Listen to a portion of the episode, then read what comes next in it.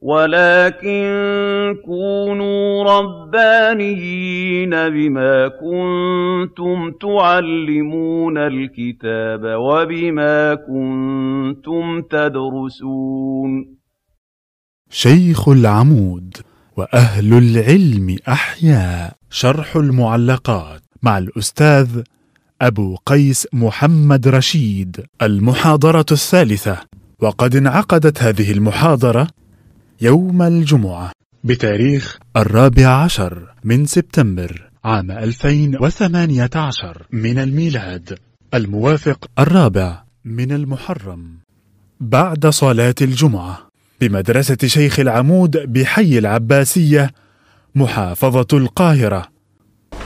السلام عليكم ورحمة الله وبركاته. عمتم مساء. أنشدني لأشعر شعرائكم. من هو يا أمير المؤمنين؟ زهير. وكان كذلك.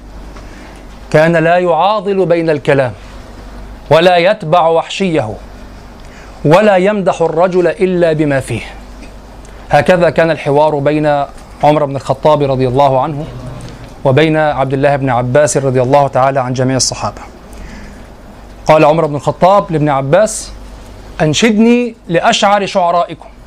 قال له ابن عباس من هو يا أمير المؤمنين؟ قال زهير. هكذا جزما. زهير. بحذف المبتدئ. المبتدأ هو زهير. فقال زهير. قال وكان كذلك. وفي بعض الروايات وبما كان كذلك. أي ولأي شيء كان كذلك؟ فأجابه عمر بن الخطاب رضي الله عنه. قال كان لا يعاضل بين الكلام. ولا يتبع وحشيه. ولا يمدح الرجل إلا بما فيه. وبالمناسبة عمر بن الخطاب رضي الله عنه كان ناقدا للشعر رفيعا عاليا. كان يفهم الشعر وكان يحب أن يروى له الشعر. وكان يطلب من بعض الصحابة أن يتلو عليه شعر زهير. حتى إذا اقترب الفجر قال حسبك وطلب أن يسمع القرآن. وكان يقدم زهير بن أبي سلمى وكان يحب شعره. يقول كان لا يعاضل بين الكلام. المعاضلة بين الكلام هي أن يتداخل التركيب النحوي. أن يتقدم الكلام وأن يتأخر بما تقتضيه صناعة النحو لكن بحيث يحدث إشكالا لا بحيث يؤدي معنى مرادا في نفس الشاعر. ويضرب له شاهدا أو مثلا في كتب البلاغة بقول الفرزدق وما مثله في الناس إلا مملكا أبو أمه حي أبوه يقاربه. أحدث فيه على ما أذكر ستة إجراءات وستة تقديمات وتأخيرات. حتى صار لا يفهم مع أن كل جزئية في, في هذا التقديم والتأخير يجيزها النحاة.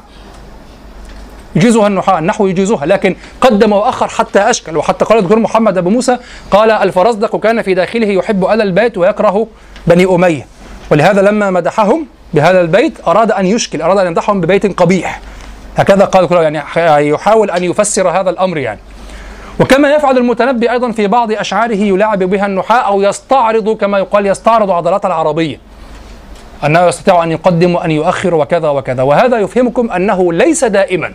ليس دائما يكون التعقيد في الكلام أو التقديم والتأخير حسنا وجيدا، البعض يظن أنه إذا وجد الكلام فيه تقديم وتأخير وكذا ووجد فيه احترافية وكذا يفهم إذا الشعر جيد، لا. ربما يكون الشعر البيت الشعري الجيد ينساب انسيابا على طريقة على طريقة الكلام منسوبا موزونا هكذا مقفا مع القصيدة وحسبك رأية عمر بن أبي ربيعة كالجملة الواحدة من أولها إلى آخرها. وورد أنها يعني بهرت عبد الله بن عباس رضي الله عنهم. أما التقديم والتأخير والتقاعر وكذا فهذا القدر الذي تأخذه من التقديم والتأخير إنما يكون بحسب ماذا؟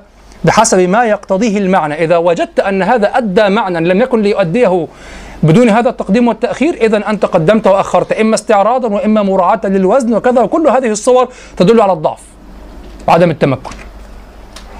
في باب النقد. قال كان لا يعاضل بين الكلام ولا يتبع وحشيه. وحشي الكلام هو الغريب من الكلام والبعض يخلط بين وحشي الكلام وبين غير الفصيحة الثقيلة على اللسان. غلط بعض الكلمات فصيحة مشهورة متداولة وهي في القرآن وهي ثقيلة على اللسان. كضيزة ثقيلة على اللسان فيها ثقل على اللسان ولكنها ماذا؟ وبعض التراكيب كذلك. مثلا ترى في قيل يا نوح اهبط بسلام. يا نوح اهبط وتوالي حرفين في كلمتين. توالي حرفين من حروف الحلق بهذا الشكل. تريد أن تحقق الحاء وأن تحقق الهاء. يا نوح اهبط بسلام. هذا ثقيل خاصة على إخواننا في أهل إفريقيا صح؟ يا نوح اهبط. هذه صعبة مستحيلة تقريبا. نعم مستحيلة تقريبا. لا, لا تدخلون الهاء صح؟ أم الحاء؟ الهاء. الهاء صعبة. الحاء صعبة. نعم فتقول يا نوح يا نوح اهبط صح؟ نعم. نعم. وأنلزمكموها فسيكفيكهم. وكذلك صفات الحروف. آه فاستغلظ. فاستغ الغين تحمل صفة قوية التفخيم واللام مرققة. ثم الضاء مفخمة. فاستغلظ. تريد أن تقول فاستغلظ. أسهل. وجميعنا يقول استغلظ. وهذا أسهل. صح؟ طيب. إذا قد تكون الكلمة في القرآن وهي ليست كذلك وهي ليست آه، ليست وحشية. ففرق بين الثقل في الكلمة الثقل في الكلمة سواء كانت عيبا أو لم تكن عيبا وبين الوحشية قد تكون الكلمة سهلة على اللسان لكن لا تعرف إلا بالتفتيش هذا ضابطها. قالوا لا تعرف إلا بالتفتيش في المعاجم وكذا لا تجري على في فصيح اللغة وفصيح اللسان وكذا. فقالوا هذه ماذا؟ تكون أيضا وحشية. متى يؤتى بها إذا لم تكن من لغتك المتداولة؟ متى ي... طبعا لا تذهب إلى بني هذيل وتقول ألفاظهم كثيرة وحشية. هناك لغة لهذيل يتكلمون بها يمتازون بها عن العرب. فهناك هناك معجم للهذليين. واضح؟ هناك معجم للهذليين. فهذا لا يقال فيه ماذا؟ لا يقال فيه إنه استعمال الوحشي ويعاب شعرهم بذلك. لا هذا تميز لغة لقوم هذا الفصيح عندهم. متى يكون غير فصيح؟ لو استعمله غير الهذلي. وكذلك لو الهذلي استعمل في الهذليين ما ليس شيئا في الهذليين. أخذ من الخارج فأيضا يكون لا يكون فصيحا في حقه نعم. فهذه نقطة مهمة جدا. قال ولا يتبع وحشيه. لا يتبع وحشي الكلام. ما معنى وحشي الكلام؟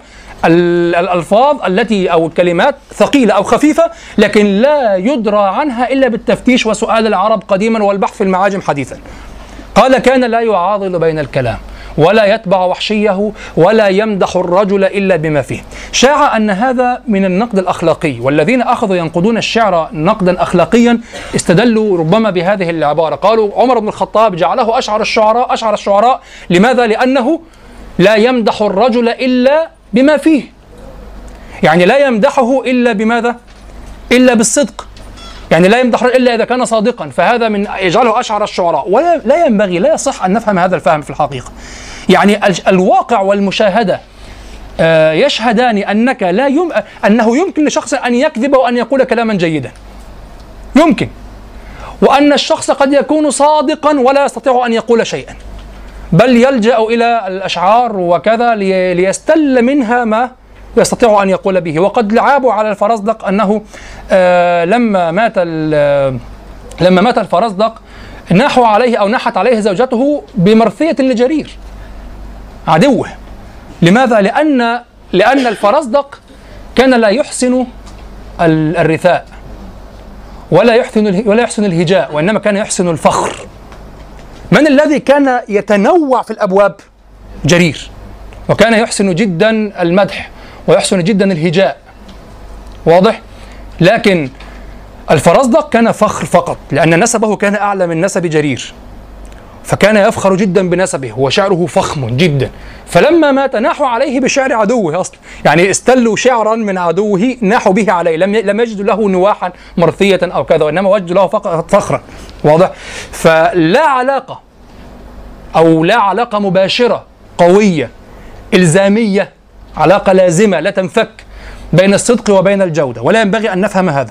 ولهذا آه ابن رشيق في العمدة فسر هذه المقولة لعمر بن الخطاب تفسيرا يمكن أن تفهم منه أنه ينقده أنه يعلل تعليلا فنيا. قال قوله لا يمدح الرجل إلا بما فيه. قال هكذا قال هذا يعني يدل على أن زهيرا كان حاذقا في صناعته. يمدح الرجل بما فيه لأنه لو مدحه بغير ما فيه أو ما لا ينتظر من مثله كان هجاء يعني يمدح الملوك بماذا؟ أو كبار القوم والأغنياء بأنهم ينفقون على الفقراء وأنهم كذا والحكماء الكبار بأنهم يصلحون بين العشائر والقبائل ويعصمون الدماء ويحبسون الدماء في الحروب وكذا. ماذا لو لو مدحت فقيرا بحسن الضيافة والكرم وكذا؟ هو فقير هو في داخله فيه كرم. وعليكم السلام ورحمه الله هو في داخله فيه كرم. ولكن تخيل لو أنك مدحت هذا الكريم الفقير الذي لا يستطيع أن يعد الولائم وكذا وكذا مدحته بكثرة الولائم وبكثرة العطايا والهدايا وبأن الناس اتخذوا آه، رسموا إلى أبوابه طرقة. تخيل يعني. سيكون ماذا؟ تخيل أنك مدحت مدحت فقيرا آه، جيت على شخص بواب مثلا عندك في العمارة أو كذا مدحته بان هو حامل حمى. وأنه يعني آه، مدحته بأنه الكريم المعطاء الكذا الذي نعيش جميعا في كنفه الذي كذا ستسخر تسخر منه. لكن لو مدحته بأنه يعني شايف شغله بأنه يعني آه، نظف جيدا كذا هذا مدح بما فيه بما يمكن أن يمدح به. ولهذا عابوا عابوا على آه، من يمدح من يمدح مثلا الملوك أو الكبار بالوسامة أو الجمال. لماذا؟ هذا ليس له فيه يد. ليس مما يمدح به لم يكتسبه. واضح؟ وعابوا مثلا أن تمدح الرجل مثلا يعني أن تمدح الملك أو كذا بالعطاء. العطاء ما هذا؟ عطاء كل الملوك يعطون. طبيعي يعني أو في على الأقل في هذه العصور التي آه، صارت الأمة فيها إلى رفاهية وكذا وكذا وصار التنافس بالعطاء أصلا. وصار الشعراء يتخذون طرقا إلى أبواب الملوك كذا. أن تمدحه بالعطاء خلاص صار عاديا يعني. أن تمدحه بما ينتظر من مثله عادي. دون شيء زائد أيضا ليس بشيء. واضح؟ فقال ولا يمدح الرجل إلا بما فيه. يعني من حذقه بصناعته يستطيع أن يعرف ما الذي يتأتى من هذا فيمدحه فيه. هذا هو. ولذلك هناك رواية أخرى أورده في أوردها فيما أذكر آه، قدام بن جعفر في نقد الشعر. قال ولا يمدح الرجل إلا بما تمدح به الرجال. تمدح بالشجاعة في الحرب بالعطاء بتحمل الديات بكذا بكذا بكذا في بالاستبسال في القتال كذا لا تمدح بوسامة لا تمدح بجمال لا تمدح بحسن هيئة لا تمدح بكذا. هذا ما تمدح به الرجال ما تكتسبه الرجال. وهذا صريح في التعليل بعلة فنية. ولا يمدح الرجل ولا ينتظر من عمر بن الخطاب رضي الله عنه أنه يقول ولا يمدح الرجل إلا بما تمدح به الرجال إلا إذا كان ينوي فصل الكلام عن التعليل. لماذا كان أشعر الشعراء؟ وكان صادقا في شعره هذا أشعر الشعراء أنه صادق في شعره عمر بن الخطاب أعلى من هذا بكثير من هذا التصور الساذج الضعيف يعني. علق أبو عبيدة معمر بن المثنى على هذه على هذه العبارة. وانتبهوا كلام القدماء في النقد يبد هو نصوص تحفظ. نعم بعضهم يخطئ كثير يخطئون ممكن. بعضهم آه بل هذا معروف منهج عندهم يعني يبالغون أحيانا في بعض المواضع أو في كثير من المواضع يبالغون وهم يعلمون أنهم يبالغون يعني يمدحون الشاعر أو البيت أو كذا ولا يريدون أكثر من البلوغ به إلى القمة، لا يريدون حقيقة الظاهر، هذا أمدح بيت في كذا، هذا لا يحمل أنه بالفعل هم علموا أنه أمدح بيت في كذا، هذا أشعر الشعراء أو يعني الآن الآن أنا انفعلت وقلت هذا أنت أشعر الناس، لا يريدون بالفعل الحقيقة أننا لو استوفينا شعراء الناس والبشرية ستكون أنت أشعر الناس. واضح؟ لكن كلامهم في الحقيقة في تفصيله في داخله حينما يصفون شعر الشاعر يكون تكون فيه نصوص. نعم هي أيضا كما قال البعض يعني آه، نقدوا الشعر بالشعر. يعني أيضا قالوا كلاما مجازيا كلاما شعريا يشرحون به الشعر أيضا يحتاج هو نفسه إلى شرح. قال أبو عبيدة معمر بن المثنى قال صدق أمير المؤمنين رضي الله عنه يقول كان لشعره ديباجة. لشعر زهير. كان لشعره ديباجة. وإن شئت قلت شهد إن مسسته ذاب. وإن شئت قلت صخر لو رديت به الجبال أزالها. هذا الكلام قد يبدو يعني كلام من شاء لا كل كلمة لها أصل في حقيقة. والكلام تستطيع أن تشرحه كما تشرح متنا شرحا علميا. يقول لشعره ديباجة الديباجة هي التذويق والتزيين. الثوب المدبج الذي يطرز بالزينة وكذا وبالنقش والزخارف وكذا. فيقول كان لشعره ديباجة يريد أن زهيرا كان كأنه ينقش شعره يزين شعره. بخلاف الشعراء البدو وبخلاف الشعر المسترسل يعني ابن القيس ما كان يزين شعره. ترى القصيدة الكلام مسترسل هكذا. ترى الشعر عند زهير مقسما يستوفي الأقسام. وترى كثيرا جدا الشطر الأول ما يسمى بال بالتخييل والشرط الثاني ما يسمى بالإقناع يعني يأتي الأول بالخصوص ثم العموم. واضح؟ فكأنه يصنع الشعر وينقشه هكذا ويزركشه كما يقال ويزينه فكان لشعره ديباجة. تستطيع أن تأتي هكذا على القصيدة تشعر أنها مزخرفة. واضح؟ قال وإن شئت قلت شهد إن مسسته ذاب يعني هذا من جهة ماذا؟ من جهة التعامل مع الشعر. يعني إذا دخلت في الأبيات ليس من خارجها. أنت في داخلها الآن. انسبت معها واستطعت كما قالوا في صفة بعض الشعر الجيد أن تعرف الأعجاز قبل أن تعرف قبل أن تنتهي من الصدور قبل أن تصل إليها. يعني تبدأ في أول الشطر تعرف كيف سيختم. وكان بعض الشعراء على علمهم ببعضهم يتوقعون ما سيختم به الشطر الثاني أو حتى من البيت في وفي ثقافتهم وفي علمهم يستطيعون أن يتموا البيت قبل أن يقال لهم. واضح؟ ويستطيعون أن ينتظروا القافية. من البيت على أي شيء ستختم. ولذلك هناك اسم خاص للبيت الذي يتوقع فيه أن تنتهي بقافية معينة ثم يفاجئك بقافية أخرى. إذا أسهب في التقسيم جدا ابن رشيق في العمدة.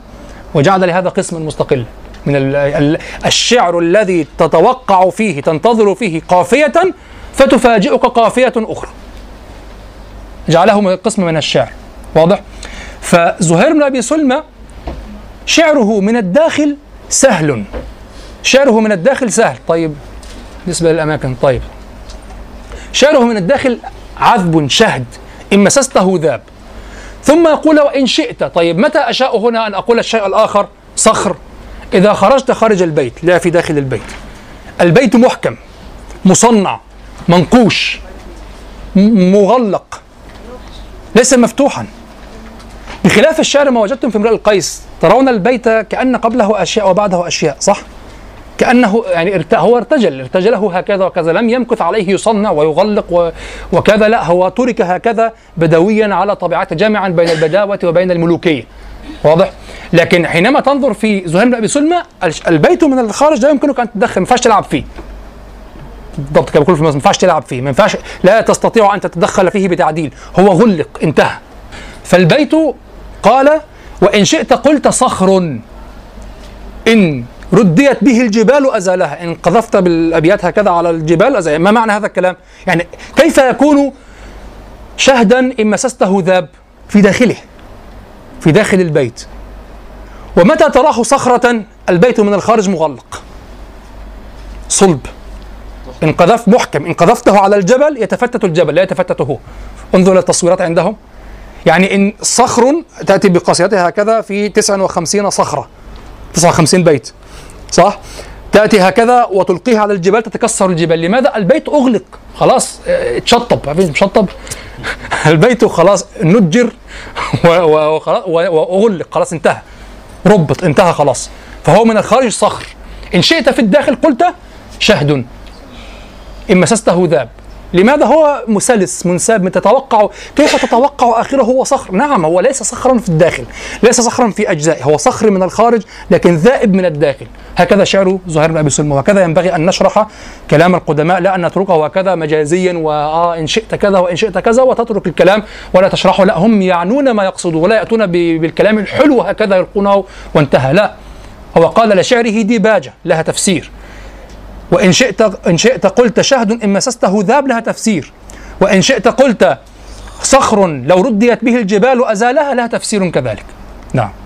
وكذلك نقل محمد بن سلام الجمحي في آه، في آه، طبقاته طبقات فحول الشعراء. طبعا الاستاذ محمود شاكر رحمه الله هو الذي آه، شهر طبقات فحول الشعراء. هو اسمه طبقات الشعراء.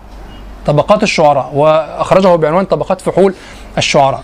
نظر إلى إن انه لم يجمع كل الشعراء وإنما انتقى وأتى بطبقات وكذا فانتشر كتاب بطبقات فحول الشعراء وهو طبقات الشعراء في الأصل.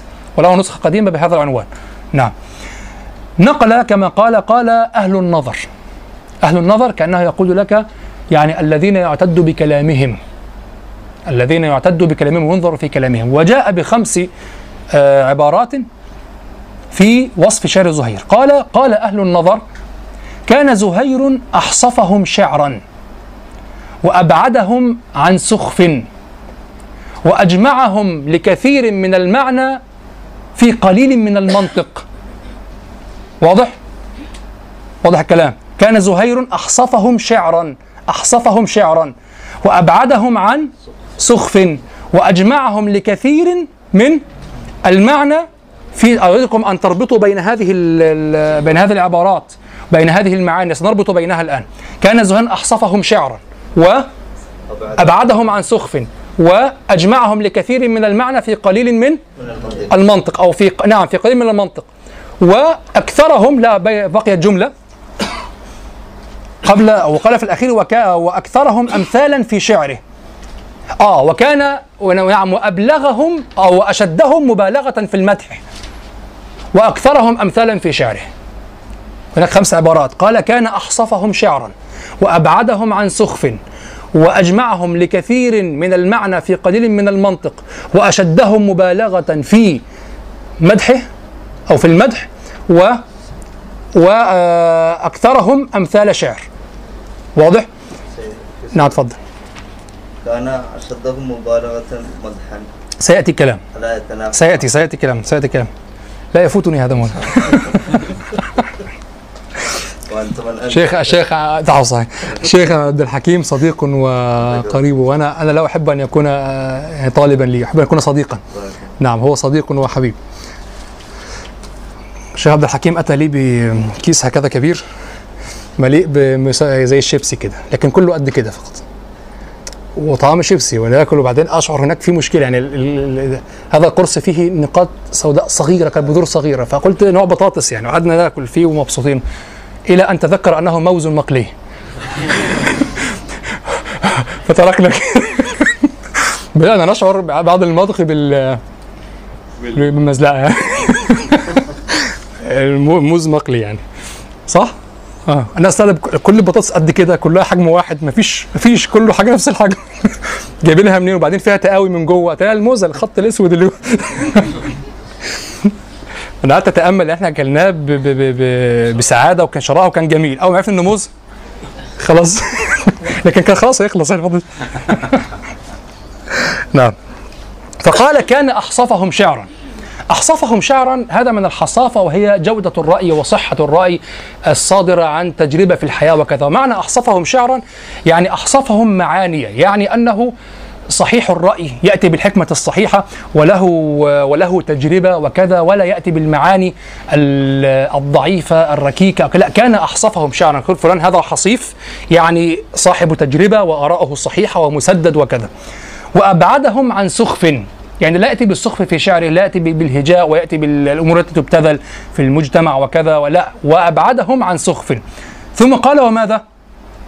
وأجمعهم لكثير من المعنى في قليل من اللفظ. هذا في الحقيقة لابد أن يحرر. هذا يراد به في البلاغة أي نوع من الاختصار. هناك نوع من الاختصار في البلاغة لمن درس البلاغة. ينبغي أن تكونوا جميعا درستم البلاغة. اختصار؟ قصر و وحذف طيب اختصار اختصار الحذف ليس موجود ليس المراد به عند زهير هذا أكثر عند امرئ القيس وأكثر عند النابغة اختصار الحذف أو إيجاز الحذف. لكن زهير بن أبي سلمى يميل إلى الحكمة ولذلك قلت تجدون قرابة بين كل هذه العبارات الرأي والجودة البعد عن السخف كثرة ال- كثرة المعنى في ال- في قلة اللفظ. هذا من إيجاز القصر الذي تأتي عليه الحكمة. واضح؟ ولهذا أعترض وسأطرح هذا إن شاء الله مسائل الإعجاز. أعترض على اعتباري من الإعجاز تماما هكذا أن تأتي بالعبارة الواحدة ك ولكم في القصاص حياة. وتقول وهذه معجزة كما قال بقلين وغيره تقريبا كله بيقول هذا. يقول وهذه معجزة لأنها تحوي ما لا يتناهى من صور التطبيق إلى يوم الدين. كل شيء نراه من فساد في تغييب شريعة الله وكذا يدخل في هذه ولكم في القصاص حياة. يستطيع الإنسان أن يأتي ب- بالمعاني التي لها آثار تمتد ولا تتوقف وأن يلخص المعنى في عبارة فلا تقول هذه معجزة. واضح؟ وإنما الأعجاز يكون باجتماع هذا مع غيره. وليس بالمعاني التي أدركت عدم تناهيها ثم تلخصها في جملة. هكذا اختصارا أو اقتصارا على هذه الصورة. واضح؟ فزهير كان من هذا الباب. زهير لا تستطيع أن تقدر لأنني كنت أقف على هذا الكلام. وأكثرهم و و و وأك وأجمعهم للمعنى مع قليل اللفظ أو المنطق. طيب أو أجمعهم لكثير من المعنى في قليل من المنطق.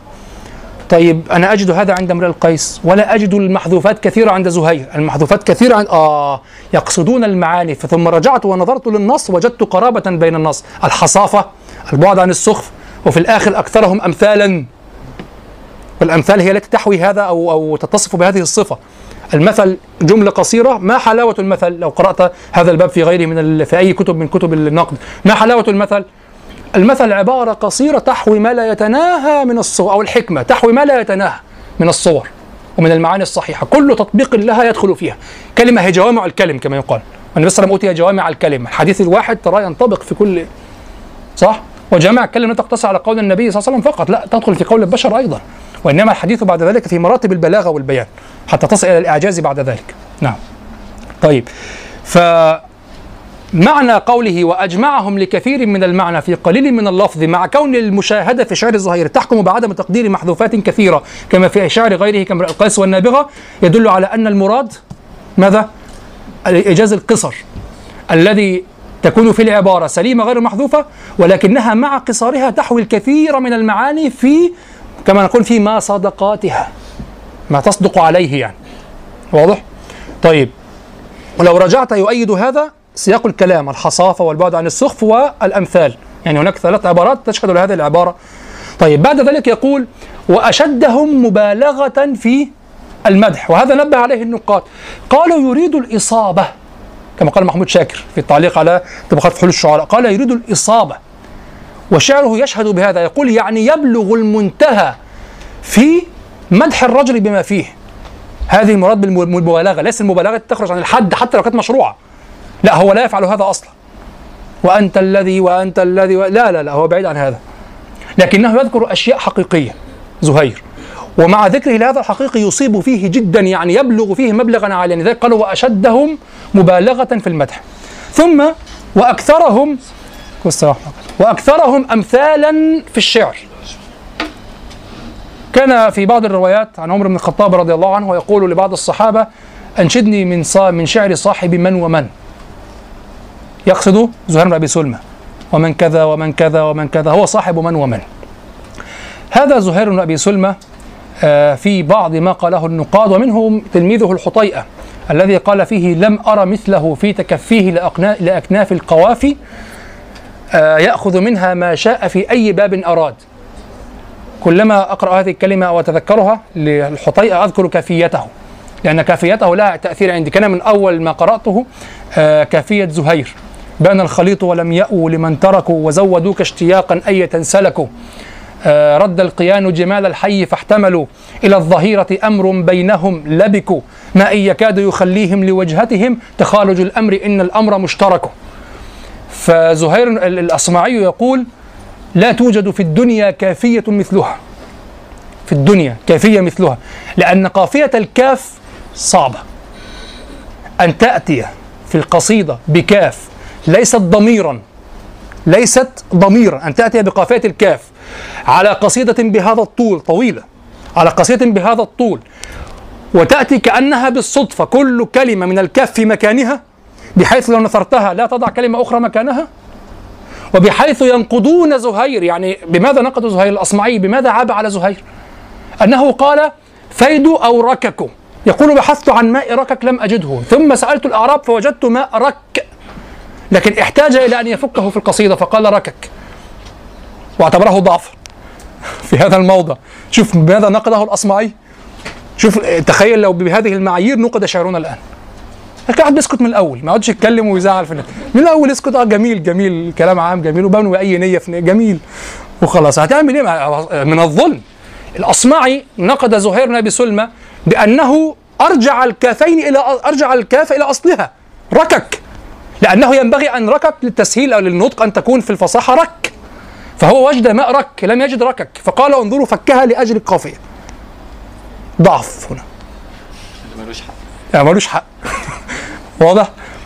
انظروا كيف لك أن تأتي بقصيدة بهذا الطول بهذه الجودة بهذه التلقائية بهذه الصحة في المعاني على قافية قليلة في المعجم أصلا ولا تكون هذه الكاف التي عليها القافية لا تكون آه، لا تكون آه، ضميرا؟ يعني يمكنك أن تلحق أي كلمة وتحط الكاف الضمير يشيل يعني. واضح؟ كما فعل ابن الدمينة. آه، قفي يا أمام القلب نقضي لبانة ونشكو الهوى ثم فعلي ما بدا لك. سل البانة الغناء بالأبطح الذي به الماء. هل حييت أطلال دارك؟ وهكذا أكثر القصيدة على الكاف ال- ال- القافية أو الروي الكاف مع الكسرة. واضح؟ فهذه سهلة. ولذلك وضعوا شروطا قوية ل- لتجويدها. قالوا ينبغي أن تبحث وأن يرى أن الكاف مع كل كلمة قبلها هي ما يقتضيها السياق. ليعلم أن الشاعر معذور في الإتيان بالضمير وإلا فهمنا أنه تخلص من الصعوبة بضمير بالضمير المكسور. واضح؟ بخلاف الكلمات التي التي تكون تكون يكون الحرف جزءا اصليا منها وتنتهي بها. أنت الآن لا تبحث الحرف.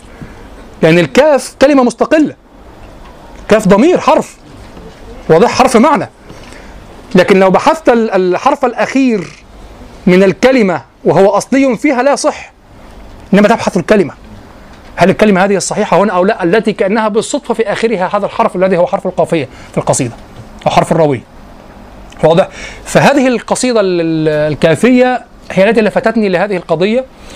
ولذلك انتبهت بسبب هذا وأنا أبحث في ال- ال- اليوتيوب وكذا انتبهت إلى آه، القافية القافية هذه لل- للشاعر محمد مهدي الجواهري رحمه الله آه، التي يمدح فيها دمشق أو يخاطب دمشق التي سافر إليها هو من العراق أصلا و- ولجأ إلى النظام السوري وكذا. فكان قال قصيدة يمدح فيها دمشق وكذا فيقول "وس- وسرت خلف كلاك المشتهي بلدا ولكن كمن يتشهى وجه من عشق. يا للقناعة ما أغلى كنائزها قارون ينفق فيها التبر والورقة ويا للشباب ما ويا للشباب يغ... يا للشباب يغار الحلم من شرة به وتحسد فيه الحنكة النزقة رأيتم ال... فالنزق وعشق وورق. كل هذه كلمات في مكانها. مع قلة مع قلة هذا الحرف في المعجم وأن يطيل القصيدة بهذا الشكل دون أن يظهر أنه متكلف هذه فحولة كبيرة. فكذلك الحطيئة يقول في زهير كان آه، ما رأيت مثله في تكفيه أكناف القوافي يأخذ منها ما شاء مدحا وذما. والذم في شعره قليل جدا يعني هو رجل كما كنا حصيف قوي العقل. هذا زهير بن أبي سلمى وهو في الأخير من الطبقة الأولى التي قال فيها أبو عبيدة معمر بن المثنى في كتابه الديباج وهذا طبع متأخرا نوعا آه، قال وأجمعوا على أن شعراء الجاهلية ثلاثة امرؤ القيس أو هكذا وأجمعوا على أن أشعر الجاهلية ثلاثة امرؤ القيس والنابغة وزهير. وهنا أقف بكم وقفة سريعة منهجية وانتبهوا إلى هذا إخوة من الهند. آه، كل علم كل علم له كتف يؤكل منها. كل علم له كتف يؤكل منها. يعني أنا يعتبر يعني عهدي في الشعر ليس ليس بعيدا. البعض يظن انني نشأت في بيت الشعر. لا ليس كذلك. ولا وحتى جاء متاخرا أصلا في دراسه الشعر ولكن عندي منهج في الت- في التحصيل. هذا المنهج بالتجربة وجدت أنه إذا دخلت في شيء بعد شهور من الدراسة فيه يظنني الشخص متخصصا فيه منذ سنوات. بماذا؟ إذا دخلت علما من العلوم أتريث. أعلم أن هذا العلم تاريخه أقدم مني. تاريخه بعيد. مشكلتنا أن كل من يدخل في علم متحمسا يظن أن العلم ولد معه. يعني العلم بدأ تاريخه به. واضح؟ سأفعل وأف أنا الآن بدأت دراسة الشعر مثلا. أنا الآن أريد أن أعرف من أشعر الجاهليين. تظن التاريخ يعني ترك لك هذا؟ ولا أتكلم عن أذواق شخصية أتكلم عن تاريخ فوق الأشخاص. يعني هناك مطحنة تاريخية. هذه المطحنة من دخلها ولم يحترق واستمر حتى خرج بعد 15 قرنا هو ليس ذوقا شخصيا. يعني امرؤ القيس تفضيله ليس ذوقا شخصيا. تقديم النابغه ليس ذوق هذه هذه مسلمات تاريخية. أنا أسميها تمخضات تاريخية. واضح؟ الذين يقولون أنا اكتشفت أن المتنبي ليس شاعرا. ما تكتشفش هنا. ما فيش اكتشاف. هنا لم لم يكتشف أحد. التاريخ الذي هو فوق البشر هو الذي أنتج المتنبي أصدر المتنبي. اعجبا لم يعجبني هو خلاص هو شاعر بقي. انت عايز تقول إنه مر على 15 صدفة. يعني إذا كان الشيء مما مما من شأنه أن يعنى به التاريخ فلا يقال هنا لا. هذا أنا أعيد النظر فيه. لا لا تعيد النظر فيه. ابدأ من عنده. لا تضيع وقتك. لا لا تخترع ما اخترع لكن متى يمكنك أن تعيد النظر؟ في شيء أهمله التاريخ. في شيء سياق التاريخ أخذه من غير بابه. يعني مثلا يمكننا أن نقول جمهور القدماء رحمكم الله جمهور القدماء فهم خطأ عن كثير من الجاهليين. نعم لأن خط التاريخ لم يكن سائرا في الاتجاه الأدبي. أكثر مما هو سائر في الاتجاه اللغوي. وإنشاء المعاجم أصلا أصلا الشعر الجاهلي جمع لأجل الشواهد النحوية والصرفية واللغوية. تخيلوا؟ يعني أصلا بدأ جمع الشعر في عهد النحاة أصمعي وأبا عمرو من الرواة وهكذا وهؤلاء الشعراء وسيبويه أو النقاد يعني أقصد وعلماء اللغة بدأوا يجمعون الشعر لأجل الشواهد أصلا. تخيلوا الأمر. طبعا كان مصيبة طبعا كان كان كارثة كبيرة. فطبعا أن نقول لابد في زماننا أن أن يعاد النظر وأن ت- وأن تستمر أو تبدأ على بعض ال- النقاط أو القليل الذي كان موجودا أن تستمر وأن تنشئ عليها وأن وأن تظهر كانت تظهر من جديد بل هي تظهر بالفعل من جديد هذا واجب. وليس معارضة للتمخضات التاريخية لأن التاريخ لم يتمخض عن شيء أصلا في هذا الباب. لكن هناك أحكام على الشعراء. هناك نقد خاصة الشعراء العباسيين. واضح؟ وهناك إجماعات إجمالية وقعت. يعني وقع الإجماع على امرئ القيس والنابغة وزهير لكن لم يقع الإجماع على فهم تفاصيل امرئ القيس. لم يقع الإجماع على فهم شخصية زهير في شعره أو شخصية ال- النابغة لكن ال- الشعر من حيث كونه شعرا وبمجموع الأجزاء عبر هذه القرون الطويلة وبمجموع النظر والقرائن زهير والنابغة وامرؤ القيس أشعر الجاهليين فكذلك إذا أردت أن تدرس الشعر الجاهلي ابدأ بامرؤ القيس. لا يمكن يعني شخص أنا أجده بيقرأ في ديوان فلان وهو لم يقرأ آه، امرؤ القيس والنابغة وزهير. لم يقرأ في الديوان امرؤ القيس والنابغة وزهير. أعلم أنه أعجبه شيء عند فلان. قل هذا لك. لا تقول أنا أدرس الشعر الجاهلي. أنت كذا تدرسه. تدرسه ابدأ بمن أجمع عليه. لا تقل أنا سأدرس الشعر العباسي. أنا سأقرأ الشعر العباسي كله لأكتشف من هم أشعر الشعراء ستمكث خمسين سنة مئة سنة. إذا عشت يعني ثم تقول آه طلع المتنبي أبو تمام والبحتري. آه، هذه أشياء تمخض عنها التاريخ. بعض ال- الإخوة للأسف هذا واقع يعني بعض الإخوة يقول لي يعني يقول أنا أريد أن أدرس كل المتون المبتدئة في النحو للمبتدئين يعني لدعك من الأجرومية وما يقال فيها ل- لأجل أن أكتشف أفضل متن هم فعلوا هذا ووجدوا أن أفضل متن الأجرومية في المبتدئ أو ملحة الإعراب مع في بلاد اليمن أو كذا أو كتاب كذا أو وضعوا لها المتممة. يعني هناك أشياء طبخت. هناك أشياء ينبغي أن تتوقع. أن يعني مثلا زي برضه برضه بعض الإخوة يقول أي حديث يجده في البخاري أو في مسند أحمد أو كذا يقول إيه ويجد المذاهب الأربعة تقول البخاري يقول لم يصلهم. بس كده؟ طب مستخبي يعني. لم يصلهم طب فكر في سبب آخر في اختلاف فهم في وجود أصول مختلفة في الفهم في قول بالنسخ لكن أول كلمة لم يصلهم. يعني للدرجة لهذه الدرجة السذاجة يعني لم يصلهم؟ هل تتوقع أن الأمة لم تعرف ما هو أفضل كتاب في النحو للمبتدئين أو للمتوسطين أو للمنتهين؟ هل تتوقع أن يعني تركوا لك هذا؟ إذا العلم لم يبدأ أصلا. لم يبدأ. أن تصلك المتنبي ولد سنة آه 305 من الهجرة. وتوفي سنة 353 أو 52 أو 54 صح؟ آه 52 يعني المتنبي المتنبي شوف ما بقاله قد إيه دلوقتي؟ 100 و يعني تقدر تقول مثلا ها آه آه؟ لا لا لا.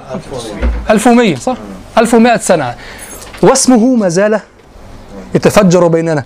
توقع يعني أنه بحثوا في شعريته. ولا إيه يعني؟ قريب ولا ممكن ولا مش ممكن؟ عرفوا اسمه. يعني عرفوه يعني أبو تمام الطائي. بحتري الطائي. أبو حاتم الطائي. هذا نسب مولانا. هؤلاء الكبار العظام. هؤلاء طيب طيب هؤلاء خلاص إن- انتهى الأمر بالنسبة إليهم خلاص يعني لا تبحث. كذلك أنا أقول هنا إذا أردت أن تبحث الشعر تقرأ الشعر الجاهلي قراءه قراءة للشعر الجاهلي فعليك بمن أجمع عليهم وهم من؟ امرؤ القيس والنابغة وزهير وقال كذلك في الكتاب قال واتفقوا على أن اشعر يعني من جهة الشاعرية الشعر والمعاني المفتوحة من جهة احتراف الشعر. واتفقوا على أن أشعر الإسلاميين جرير والفرزدق والأخطر. هذا معروف. طيب تقول وأين عمر بن أبي ربيعة؟ هذا أشعر الغزلين لو قال في غير الغزل ينزل. هذا أشعر الغزلين طيب ومجنون له هذا أشعر أو كثير عزه أو النزاع بين كثير و آه وجميل. لا هؤلاء أشعر العذريين. يعني في باب معين. محصورون في باب معين. ولهذا إذا رجعت إلى ابن القيس ستجد قصيدته أو قصائده متنوعة في كل الأبواب يتكلم يأخذ في الشعر حيث شاء. تجدها متنوعة تدل على شاعرية قوية حتى كانت قصائده قليلة وفي معان محدودة. واضح؟ طيب. فهذا زهير بن أبي سلمى من الثلاثة الذين أجمع عليهم أنهم من ال- الطبقة الأولى أو أنهم هم الطبقة الأولى. ولما جاء ابن سلام وأراد أن يضيف رابعا وضع الأعشى على هذه الطبقة ووضع الراعي على طبقة الإسلاميين. وسبحان الله إذا ترى نص العلماء وإذا قرأت شعره أيضا. في الأعشى دون الثلاثة بكثير. يعني الأعشى ينزل على الثلاثة بكثير وكأنهم أرادوا أن يجمعوا على ثلاثة فقط. إذا ما أراد أن يضيف رابعا وقع نوع إدراج للعدد. فترى اللي قالوا في الأعشى دون الثلاثة بكثير وقالوا في الراعي دون الثلاثة الذين هم جرير والفرزدق والأخطل بكثير. الراعي النميري كان ها؟ الراعي النميري؟ أشعر من الثلاثة؟ أش... لا دونه دونهم بكثير. نعم. دونهم بكثير. لكن الثلاثة متقاربون. وجعلوا الأخطل بعيدا قليلا عن جرير والفرزدق. يعني النزاع في جرير والفرزدق لا يوازيه النزاع مع الأخطل. الأخطل قليلون يفضلونها عليه. لكن النزاع القوي بين جلو الفرزدق. واضح؟ طيب. زهير بن أبي سلمى هو شاعر نشأ في غطفان وشهر بأنه غطفاني لكنه نسبا من مزينة. ولذلك أخطأ بعض ال- الكتاب والنقاد منهم ابن قتيبة في الشعر والشعراء وقال إنه غطفاني. وكذلك أذكر آه، المرزباني في آه، في معجم شعرائه كذلك المرزباني نسب قال هو غطفاني والبعض يجعله مزنيا والصواب وهذا متفق عليه أنه أنه مزني من مزينة وهذا يثبته شعر كعب. ولكنه نشأ مع أخواله من بني غطفان فآل أبي سلمى الذي هو ربيعة اسمه ربيعة كنيته أبو سلمى يعني هو زهير بن ربيعة الذي هو أبو سلمى وبالمناسبة هو الوحيد الذي يقال فيه سلمى بضم. السين الوحيد الذي يقال فيه سلمى وسائر هذه المادة سلمى واضح؟ آل أبي سلمى حلفاء في بني غطفان. وهو موال لهم وهم أخواله أهل أمه على ما قالوا. ولذلك أثبتوا له خالا هو بشامة بن الغدير. ووجدوا أن هذا الرجل كان متسما بالحكمة. وزوج أمه هو أوس بن حجر. زوج أم زهير الشاعر أوس بن حجر. وكان أيضا متسما بالحكمة وقالوا من هنا أخذ الحكمة وأخذ العقل والفصاحة والحصافة وقبل أن يأخذ الفصاحة. واضح حتى هناك آه، كلمة هكذا يعني فيها نوع آه، فيها طرافة يعني. كان خاله بشامة بن الغدير ثريا يعني وقسم ماله قبل أن يموت فوجد زهير في نفسه أن لم يعطيه يعني من ماله. فتحدث إليه يعني وكذا وقال تركت فيك ما هو أثمن من هذه الأموال وهو شعري؟ ثم نظر إليها كذا يعني متهكما قال أو تظن أم تظن أنك جئت به من مزينة؟ يعني أهلك أصلا يعني ليسوا لا، أنت أخذت هذا الشعر من أخوالك يعني وكذا. هذا زهير بن أبي سلمى زهير بن أبي سلمى مشهور كذلك بأنه رأس إن لم يكن رأس مدرسة التنقيح. هناك اتجاهان في قول الشعر البديهة والارتجال والتنقيح. كما قال الحطيئة حينما سئل ما أجود الشعر قال ال- المنقح المحكك. ماذا منقح المحكك؟ يعني الذي يعاد فيه النظر وقتا بعد آخر. وشهر عن شعر زهير بأنه الحوليات. أرى في هذا نوع مبالغة ربما. أو ليس مبالغة ولكن ليس لا تكون رهينة الصدور لأنه قال قالها يمدح بعض الأقوام الكبار في مناسبات خاصة فلا يتأتى أن نقول حبس الق- القصيدة سنة. لكن ربما نقول ظل يعاود النظر فيها سنة قبل أن يقر شكلها الأخير. الحوليات قالوا كان كان يرتجل القصيدة وذكر هذا آه، ابن رشيق في العمدة قال ما معنى أن يكون الشعر الجاهلي الجاهلي؟ آه، منقحا. قال لا يفكر فيه ابتداء. هناك نحن الآن نفكر في الشعر قبل أن نقول. يعني نبذل جهدا. قال الشاعر الجاهلي كل الجاهليين يتفقون في الارتجال. يعني يرتجلون الشعر أولا ثم بعضهم يتركه على حاله وبعضهم ينقحه يظل ينقحه. واضح؟ ممن كان يفعل هذا زهير بن أبي سلمى قال كانوا يقولون القصيدة في ساعة في ليلة ثم يحبسونها عاما. طبعا ليس عام متفرغ على القصيدة لكن هي عام عنده هي مدة حبسها. خليها عام. أفكر فيها دائما أرجع إليها وأنظر فيها كلما تيسر. وأنقح كذا. انتهى العام خلاص أخرج القصيدة. هذه صورتها الأخيرة خلاص. لكن ضرب لها عاما حدا أقصى لحبسها. واضح؟ فلذلك سميت قصائد زهير كما قيل يعني بالحوليات. مدرسة التنقيح تاريخيا في الحقيقة لا تبدأ من عند زهير لكن زهير هو أشهر الشعراء فيها. لكن تبدأ من عند أستاذه الأكبر وهو طفيل الغنوي الذي هو أستاذ له وأستاذ لأوس أيضا. يعني هو كان تلقى منه الشعر زهير ثم زهير تلقى أيضا من أوس وأوس تلقى كذلك معه من طفيل الغنوي وكان يسمى بالمحبر هذا من قدماء الجاهليين وكان يسمى بالمحبر. لماذا؟ لأنه كان يمكث على قصيدته يحبرها يعني يجملها. لا يرتجلها كالصعاليك أو كغيره من الشعراء يرتجل القصيدة ويتركها لا. ولذلك سموا سموا كما سماهم الأصمعي بعبيد الشعر. قال هؤلاء عبيد الشعر. لماذا؟ لأنهم يمكثون على أشعارهم ينقحون. القصيدة تستعبدهم القصيدة تقيدهم. فسموا عبيد الشعر. يمكثون على القصيدة يعملون عليها. أول من تسمى به من سيد؟ نعم؟ أول من أول من فعل هذا على على التفريق لأن هناك من الباحثين العصريين يقول كل الشعر هكذا. لا يوجد شعر آه، غير ارتجالي أو كذا. الدكتور شوقي ضيف يقول هذا الكلام وهذا كلام عندي خطأ. يعني إلى الآن هو خطأ. ال- على هذا الكلام دكتور يوسف خليفي يحقق أن أقدم من وصانا فعل هذا طفيل الغنوي. وهذا يدل يدل عليه أنه سمي أو لقب بالمحبر. معناه أنه ميز من بين الشعراء بالتحبير.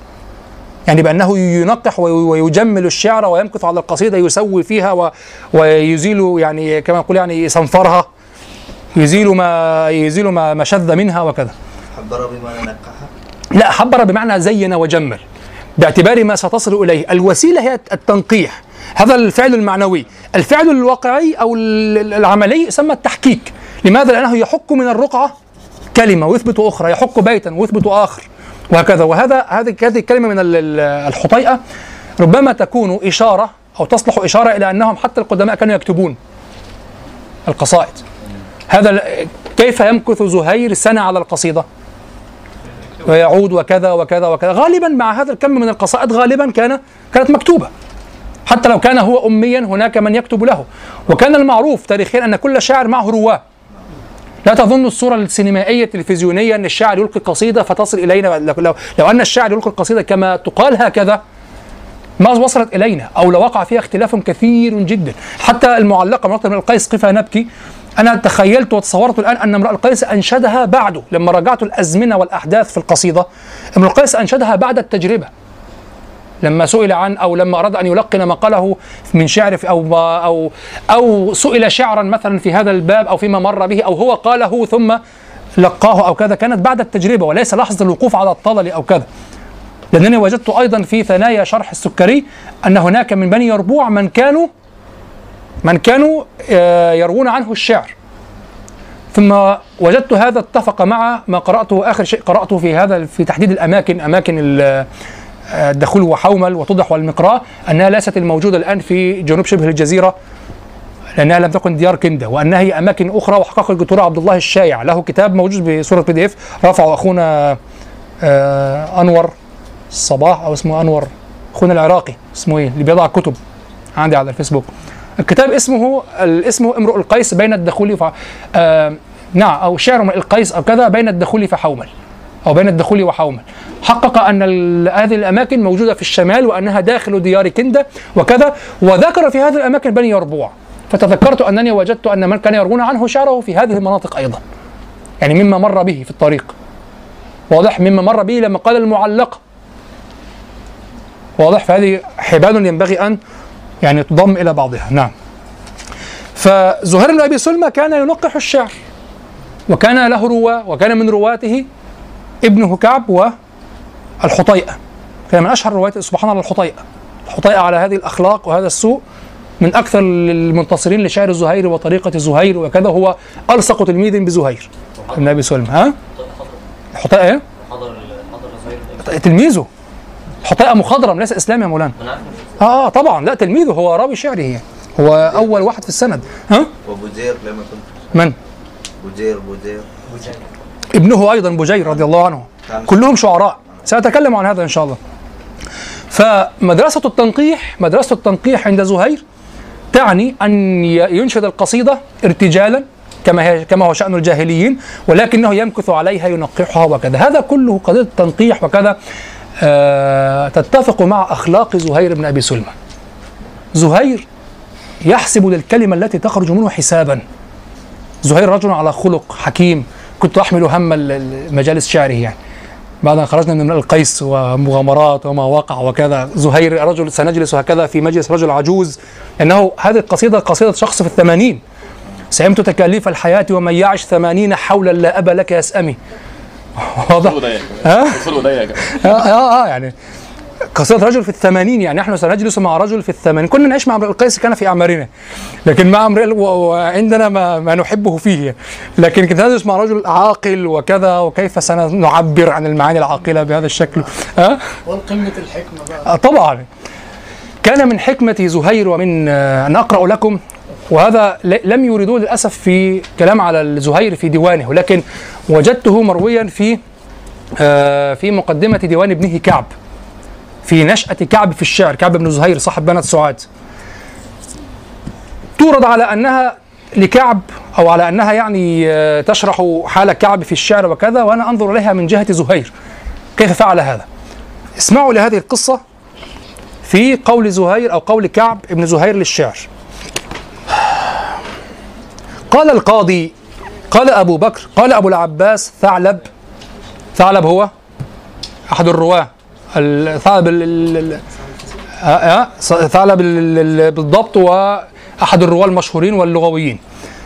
وكان من رواة الشعر الموثوقين. قال القاضي ومن شراحه كذلك. لكن شروحه لغوية قاصرة جدا في الحقيقة. قال القاضي أبو بكر أبو العباس ثعلب وتحرك كعب بن زهير بن أبي سلمى وهو يتكلم بالشعر. يعني أول ما بدأ يتحرك وكذا ويصير يعني صبيا صغيرا هكذا بدأ يقول الشعر وتحرك كعب بن زهير بن أبي سلمى وهو يتكلم بالشعر. فكان زهير ينهاه. مخافة أن يكون لم يستحكم شعره فيروى له ما لا خير فيه. شوف الخوف عليه. مخافة أن يكون لم يستحكم شعره فيروى له ما لا خير فيه. فكان يضربه في ذلك. ففعل ذلك به مرارا يضربه ويزبره فغلبه فطال ذلك عليه. فأخذه فحبسه. ثم قال والذي أحلف به لا تتكلم ببيت شعر ولا يبلغني لا تتكلم ببيت شعر ولا يبلغني أنك تريغ الشعر أي تطلبه. ولا يبلغني أنك طبعا كل ما يرويه ثعلب لأنه لغوي تراه يشرح الكلمات بين هذه طريقة اللغويين يشرح الكلام في في وسطه بين جمل اعتراضية ولا يبلغني أنك تريغ الشعر أي تطلبه إلا ضربتك ضربا ينكلك عن ذلك. فمكث محبوسا عدة أيام ثم أخبر أنه يتكلم به. فدعاه فضربه ضربا شديدا.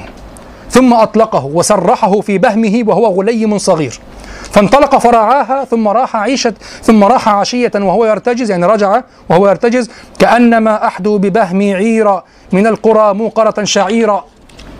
البهم الصغار من ولد الضأن فخرج زهير إليه وهو غضبان فدعا بناقته وكفلها بكسائه والكفل أن يفتل إزار أو كساء فيجعل حول السنام. يعني أنت لا تستطيع أن تجلس على الناقة. جربت تجلس على الناقة بدون أو الجمل بدون شيء؟ أنا جربت. أنت جربت؟ جربت كثيرا وأنا صغير. الناقة السنام مسنن. هكذا. لا يجلس عليه. إذا جريت وأنت قاعد يعني مش زي الحصان تفتح رجلك وتقعد لا تشق نصفين أساسا. لو عمل كده تشق ما ينفعش تقعد. واضح؟ قال والكفل أن يفتل إزار. جاب كذا ثوب كملاءه أو كذا ووضعها على السنام وربطها من البطن والصدر. فقط هكذا. يعني ناوله على نيه يعني. والكفل أن يفتل إزار أو كساء فيجعل حول السنام ثم قعد عليها. حتى انتهى إلى ابنه كعب فأخذه بيده فأردفه خلفه ثم خرج يضرب ناقته وهو يريد أن يتعنت كعبا ويعلم ما عنده ويطلع على شعره. فقال زهير حين برز من الحي إني لتعديني على الهم جسرة تخب بوصال صروم وتعنق. ثم ضرب كعبا وقال أجز يا لكع يعني قل أكمل. أجز يا لكع فقال كعب كبنيانة القرئي موضع رحلها وآثار نسعيها من الدف أبلق فقال زهير على لاحب مثل المجرة خلته إذا ما على نشزا من الأرض مهرق. ثم ضرب كعبا وقال أجز يا لكع فقال كعب منير هداه ليله كنهاره جميع إذا يعلو الحزونة أفرق. ثم بدأ زهير في نعت النعام وترك نعت الإبل. فقال زهير يعتسف به عمدا أن يأخذ في غير جهته اعتساف يعني يرهقه. أي يحرجه يعني. أي يأخذ في غير جهته يعني طريقا آخر من الشعر وظل بوعساء الكثيب كأنه خباء على صقبى بوان مروق. فقال كعب طبعا هنا إقواء سيأتي. فقال كعب تراخى به حب الضحاء وقد رأى سماوة قشراء الوظيفين عوهقي. سماوة شخص وقشراء الوظيفين يعني الساقين وعوهق طويلة العنق. فقال زهير تحن إلى مثل الحبابير جثم لدى منتج من قيدها المتفلق. ثم قال أجز يا لكع. فقال كعب تحطم عنها قيدها عن خراطم وعن حدق كالنبخ لم يتفتق. فأخذ زهير بيد ابنه كعب ثم قال قد أذنت لك يا بني في الشعر. فلما نزل كعب وانتهى إلى أهله وهو صغير يومئذ قال أبيت فلا أهجو الصديق ومن يبع بعرض أبيه في المعاشر ينفقه يعني من يتاجر بعرض أبيه يعني شوف أنت ساعات الإنسان الأب الكويس يقول لك أنا يا ابني سايب لك سمعة هذا ابن فلان. فهو أبوه صاحب فضائل على الناس. فهو إذا تورط أو كذا يستطيع أن يسأل بمثل فض- بفضائل أبيه أو يفخر بفضائل أبيه أو يذكر بفضائل أبيه فيستحي. واضح؟ فدائما يعني أبناء الكرام يكرمون. هذا المفروض يعني. مش ده كان أبوك وأنت مالكش دعوة. لا هذا الأصل يعني. واضح؟ فقال أبيت فلا أهجو الصديق ومن يبع بعرض أبيه في المعاشر ينفقي. وجدتني قيدت هنا منذ سنوات ما قرأته في الأغاني. قال حماد الراوية كما في الأغاني وهي أول قصيدة قالها. حماد الراوية قال هذه أول قصيدة؟ آه، يقولها زهير آه، كعب بن زهير. يعني بعد ما أذن له أبوه واضح كان بيسرق البيت والبيتين. قصيدة بقى. مش أذن لي خلاص قصيدة يعني. واضح فهذه طريقة آه، كعب بن زهير في قول الشعر ولهذا لا تجد تقريبا في شعره ما يمكن أن يسيء إلى الخلق أو إلا قصيدة من ثمانية أبيات آه، رائية قالها آه، لبني المصطلق مصطلق أظن اللي هو اسمه الحارث الحارث بن من؟ اسمه؟ لا لا لا لا اسمه نسيت اسمه يعني هو الذي سرق إبله يعني فقال له الكافية أولا بأن الخليط ولم يأو يعني هو بينه هو علاقته بالقبائل جيدة. واضح؟ ورجل حكيم عندهم ومحكم ويدعى وكذا في المجالس فأن تسرق إبله فلم يفعل كما ما الرد الفعل الطبيعي في القبائل إذا فعل هذا؟ هذا عار. يغير على الق- القبائل الأخرى يأخذ أمواله وأموالا أخرى ويأخذ نساءه أيضا. خلاص ينتهي الأمر. هكذا هذا رد الشرف عندهم يعني. واضح؟ وبقي هذا في بعض ما تعرفش تسرق صعيدي صعيدي بالنجع جوه ما تعرفش تسرقه. اوعى. اوعى. ما تنفعش تسرق لو العرب العرب قبائل العرب ما تعرفش عيب يعني هذا عار يعني. يعني سرق ده عار ولازم يردها لازم يرجعها. واضح. فزهير بن أبي سلمى لأنه فيه حكمة وكذا فكتب القصيدة أو أنشد القصيدة التي هي الكافية. وهي من القصائد التي تدل على أنه راعى الترميز الاستعاري في مطلع قصائده. قال بان الخليط يعني الخليط هم الأصحاب والأحباب بانوا يعني تركوا الحي ولم يأووا لم يهتموا لمن تركوا. وزودوك اشتياقا اية سلكوا واضح؟ رد القيان جمال الحي فاحتملوا. ثم قال إلى الظهيرة أمر بينهم لبكوا. يعني كأنهم يتنازعون نمشي أو لا نمشي؟ كأنه يقول لك هذا الأمر لا يليق بك أن يكون مستقرا في نفسك. هذا مما تختلفون فيه. وهذا اختلج في نفسك واختلج في نفوسكم أن تسرقوا إبلي. واضح؟ فقال ما إن يكاد يخليهم لوجهتهم تخالج الأمر إن الأمر مشترك. واضح؟ ويقول في البيت الثاني إلى الظهيرة أمر بينهم لبكوا. إلى الظهيرة ثم يذكر في البيت الرابع والذي بعده أنهم هاجروا. يعني في سائر القصيدة يذكر أنهم هاجروا ليس في الرابع. في سائر يذكر أنهم ها- هاجروا. يعني في الظهيرة والعرب لا تهاجر في الظهيرة. يعني أنك هاجرت هاجرت هجرة غير مشروعة. يعني هناك اشياء خطأ في الموضوع. ما فيش حد بيمشي في الظهر. فضلت متحير لحد الظهيرة. هم يبكرون أو بالسحر. إما في الصباح واما في الليل. إما يبكرون بعد الفجر أو قبل الفجر. أما في الظهيرة يقيلون. يقيلون. واضح؟ فيقول إلى الظهيرة أمر بينهم لبك ثم يذكر أنهم راح ارتحلوا يعني في الظهيرة. يعني ارتكبت محرما. شوف الإشارات. فهذه أوضح إشارة في شعر زهير هذه القصيدة الكافية و آه، المعلقة التي معنا اليوم. آه، في أي باب كنا؟ كنت أقول شيئا مهما. ها؟ نعم. لما أنشد هذه القصيدة كانت تحذيرا واستثارة لمروءة هؤلاء القوم أن يرجع الإبل. فلما تجاهل القصيدة الرسالة يعني ولم يرجع الإبل أنشد ثمانية أبيات. وأولها آه تعلم أن شر الناس حي ينادى في شعارهم يساره وقال كلاما قبيحا شديدا اللي هو من الشعر الفاحش الذي لا يمكن أن يشرح في المجالس العامة أو على الأقل في وجود الاخوات يعني وقال كلاما خارجا قبيحا جدا جدا صور صور قذرة جدا يعني قالها. وآخر بيت في الثمانية قال فإن الشعر ليس له مرد إذا ورد المياه به التجار. يعني مثل هذا هو ما سيطير في القبائل. أرجعه قبل أن أرجع الإبل وأرجع الغلام هو يسار قبل أن تروى هذه القصيدة أو أو مثل هذه القصائد تروى مع التجار ينزلون بالمياه فينتقلوا فينزلوا الريست في السكة في ريستات كده بتنزل في السكة عند بعض المياه. المياه يعني قبائل قائمة. لما بينزلوا هيرووا بقى الشعر. خلاص راح عند أول محطة مش هيرجع تاني. فإن الشعر ليس له مرد. إذا ورد التجار التجار يعني به ال- إذا ورد المياه به التجار.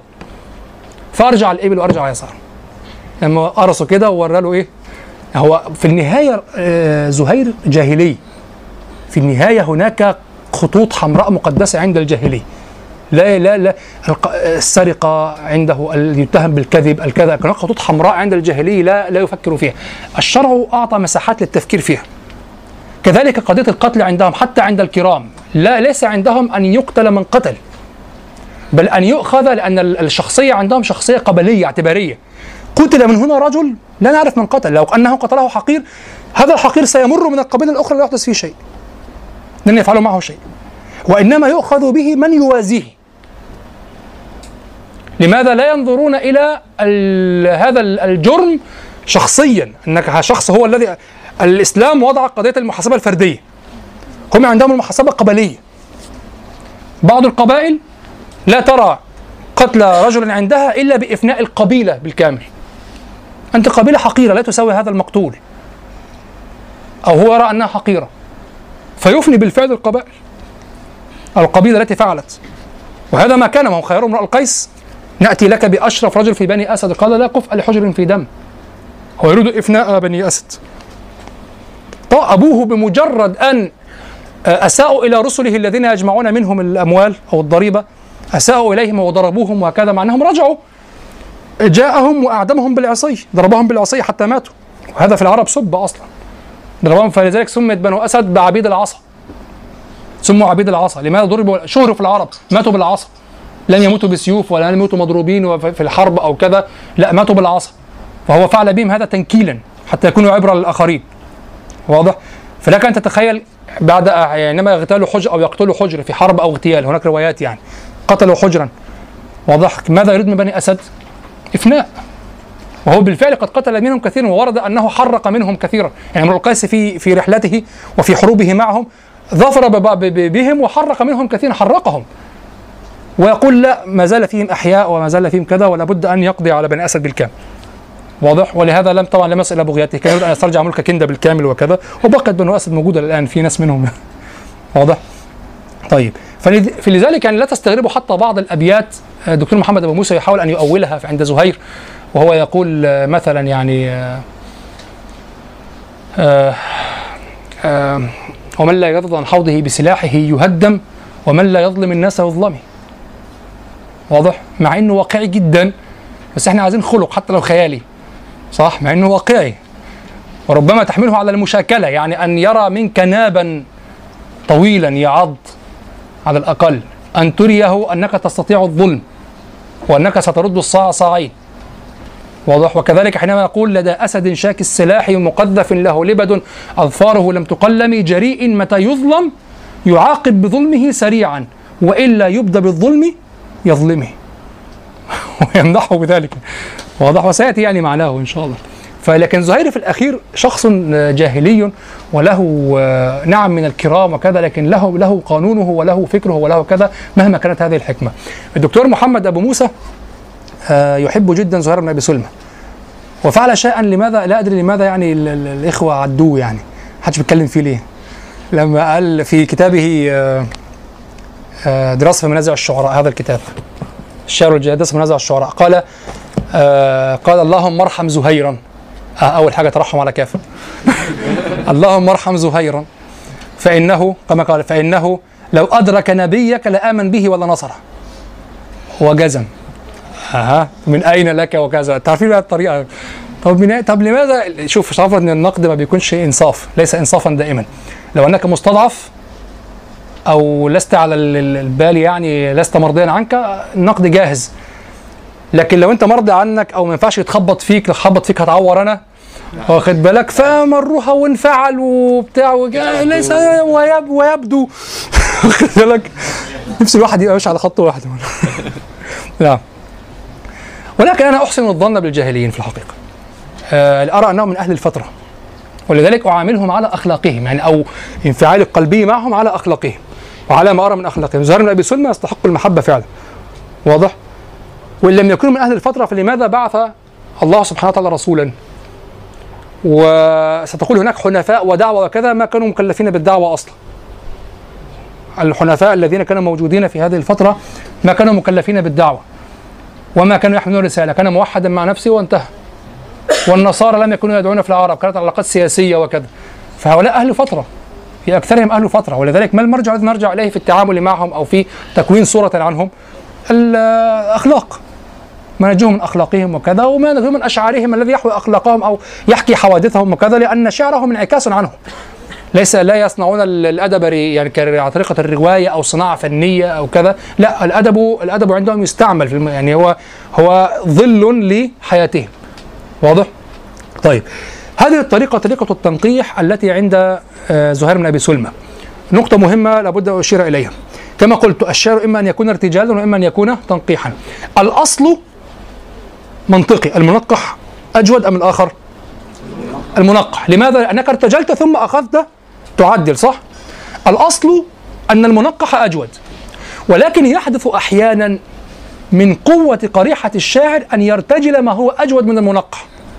ولهذا في مقامات بديع الزمان الهمذاني آه لما قصة ابتكرها وتكلم عن أشعر الشعراء وكذا ماذا قال المجيب من أشعر الجاهليين؟ قال قال الملك الضليل قال لم يقل الشعر راغبا ولا راهبا. آه لم لم يقل راغبا ولا راهبا. آه ففضل يعني اتفق في شعره من تفتق للحيلة لسانه وانتجع للرغبة بنانه. لماذا؟ ماذا يريد؟ يقول لم يقل راغبا ولا راهبا. يعني ليس هو راغب في شيء ولا راهب من أحد. كما كان النبغه راهبا من النعمان بن المنذر. ولم يكن راغبا كما يرغب الاعشى فينق فينبني على ذلك التنقيح والتجويد والإعداد أعد القصيدة. فقال امرؤ القيس لم يقل راغبا ولا راهبا. قال الشاعر لنفسه ففاق بهذا الشعر الذي لم يعاوده ولم ينقحه ماذا؟ من؟ فاق شعره هذا شعر من؟ نقح راغبا أو راهبا. واضح؟ فكان استثناء. الدكتور محمد أبو موسى في هذا الكتاب في مقدمة كلامه على معلقة زهير رأى أن امرؤ القيس منقح. حتى لما لما تكلمت مع الشيخ فوزي قلت له ما رأيك في هذا كفوزي الكناتي؟ قلت له ما رأيك في هذا الكلام؟ وكذا ضحك وقال سحره امرؤ القيس. فأراد أن يبحث عن علة.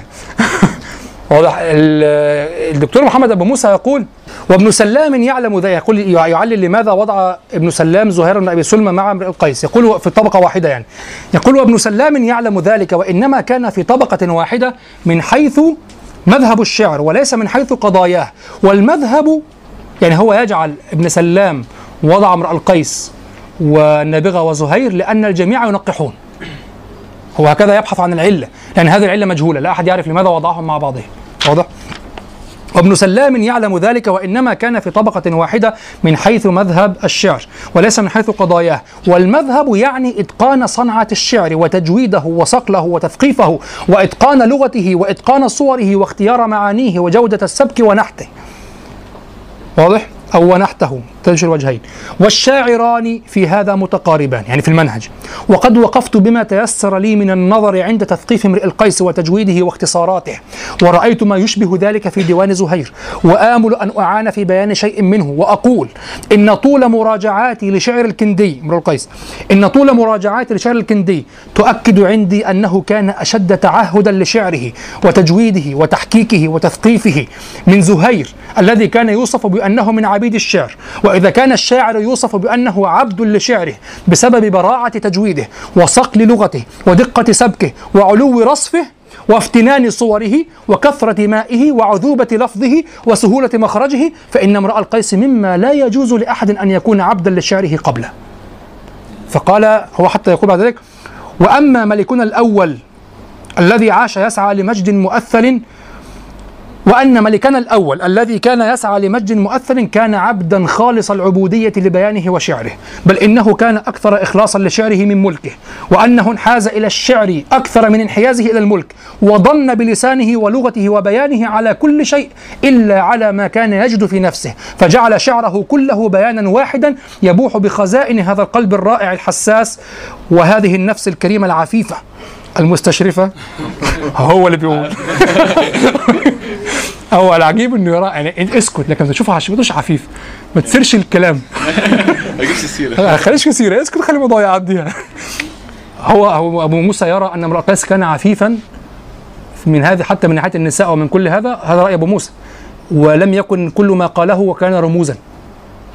وما كان حقيقيا. أنا لا أرى هذا أصلا. مع أنني أحبه أكثر مما هو يحبه. لكن لا أرى هذا. لكن أنا أستطيع أن أحب الإنسان ب- بلوحته الكاملة. يعني فجعل شعره كله بيانا واحدا يبوح بخزائن هذا القلب الرائع الحساس وهذه النفس الكريمة العفيفة المستشرفة لمعالي الأمور كما قال. نعم لكن أنا لا أرى أن امرأ القيس آه، كان منقحا. وفاته الدكتور محمد أبو موسى فاته أن يحلل وأن ينظ أن يتأمل في النصوص التي قالوها في امرئ القيس كلها أو بعضها الرئيسي منها فيه إشارة إلى أن من سبب رفعته أنه فاق بجوده بجودة شعره. شعر من نقح دون أن يجود. كما قال علي بن أبي طالب أيضا قال نفس هذه الكلمة لم يقل راغبا ولا راهبا. لما قال له من أشعر شعر قال لم أضعهم في مضمار واحد لأرى. ولكن إذا كنت لابد لابد متكلما فالذي لم يقل راغبا أو راهبا. قال يعني هو جيد والآخر جيد. نعلم هذا. لم لم أدرس لم أعلم من أسبق. لكن هذا جيد وهذا جيد لكن إذا طلبتم مني حتما أن أقول فأنا أرجح الذي قال الجيد بدون رغبة أو رهبة لأنه لم يحرص على التحقيق والضبط والتصحيح وكذا بخلاف الذي ينشد شعره بغرض ما وليس فقط أنه ينفث ما في صدره. واضح؟ وكذلك جرير ابن عطية وهذه الرواية موجودة مسندة في الأغاني الأصفهاني وفي آمال القالي لما سئل عن الشعراء ولم يتكلم عن امرئ القيس. ففي الأخير سألوه وما تقول في امرئ القيس؟ لما سئل عن زهير والنابغة وكذا. فقال وما تقول في في امرئ القيس؟ قال الخبيث اتخذ الشعر نعلين يطأهما كيف شاء. هذا نص كلامه. قال الخبيث اتخذ الشعر نعلين يطأهما كيف شاء فأقسم بالله. هذا نص كلامه بالضبط. فأقسم بالله لو أدركته لرفعت له ذلاذله أذياله يعني. يعني أسير وراءه أرفع يعني تقديرا هو شاعر وهذا شاعر أنت في مقام الملك في الشعر. فقال فأقسم بالله لو لو أدركته لرفعت له ذلاذله فهو يقول اتخذ الشعر نعلين يطأهما كيف شاء. من يقول هذا؟ جرير. الذي كان معروف أنه يغرف من بحر. فتلاحظون من التأمل فيما بين هذه النصوص من الروابط أن امرأ القيس قدم مع اعترافهم بأنه مرتجل. هناك نوعان من الكلام هناك البديهة والارتجال. البديهة الارتجال أصعب. أن يقول مباشرة. البديهة أن ينتظر قليلا وأن يفكر وأن يقول دون أن يأخذ وقتا طويلا. يعني يمكن ساعة في قصيدة مثلا أو كذا هكذا يتكلم ويفكر ويقول على البديهة القريبة يعني. الارتجال كأنه يتكلم. فهم يعلمون أن امرؤ القيس قال على هذه الأبواب. ومع هذا فاق بشعره من نقح وصحح وكذا لأجل ويمكنك بذوقك حتى ليس المرتفع جدا أن تدرك الشعر المسترسل والشعر المنقح. المنقح مرصوص كشعر زهير وشعر الفرزدق.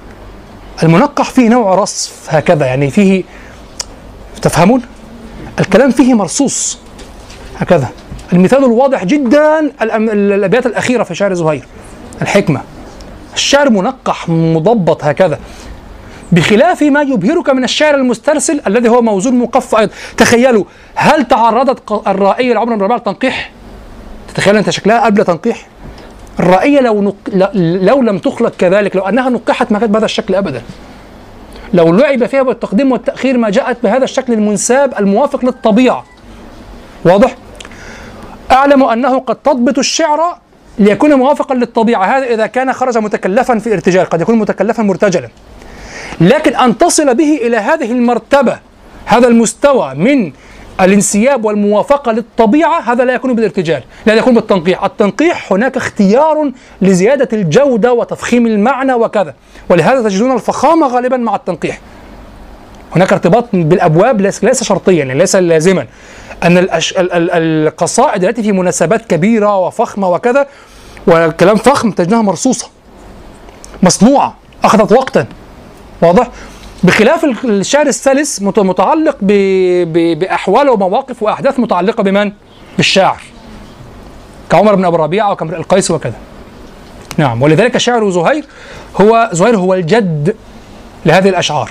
وانتبه إلى هذا الدكتور محمد أبو موسى وقال وأنا أجد أحمد شوقي وأجد المتنبي في شعر زهير.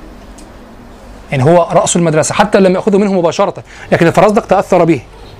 كما قالوا الفرزدق هذا قاله أبو عمرو بن العلاء قال أشبه الإسلاميين بالفرزدق آه، أو أشبه الجاهلين بالفرزدق الزهير أو الفرزدق يشبه من الجاهلين زهيرا ويشبه من ومن الإسلاميين من يشبه أو من يشبه آه، من يشبه بالجاهلين يعني جرير يشبه آه، الأعشى الن- الأعشى نعم وقالوا الأخطر يشبه النابغة. لو رجعت إلى الأعشى تجده متنوعا في المعاني كما جرير.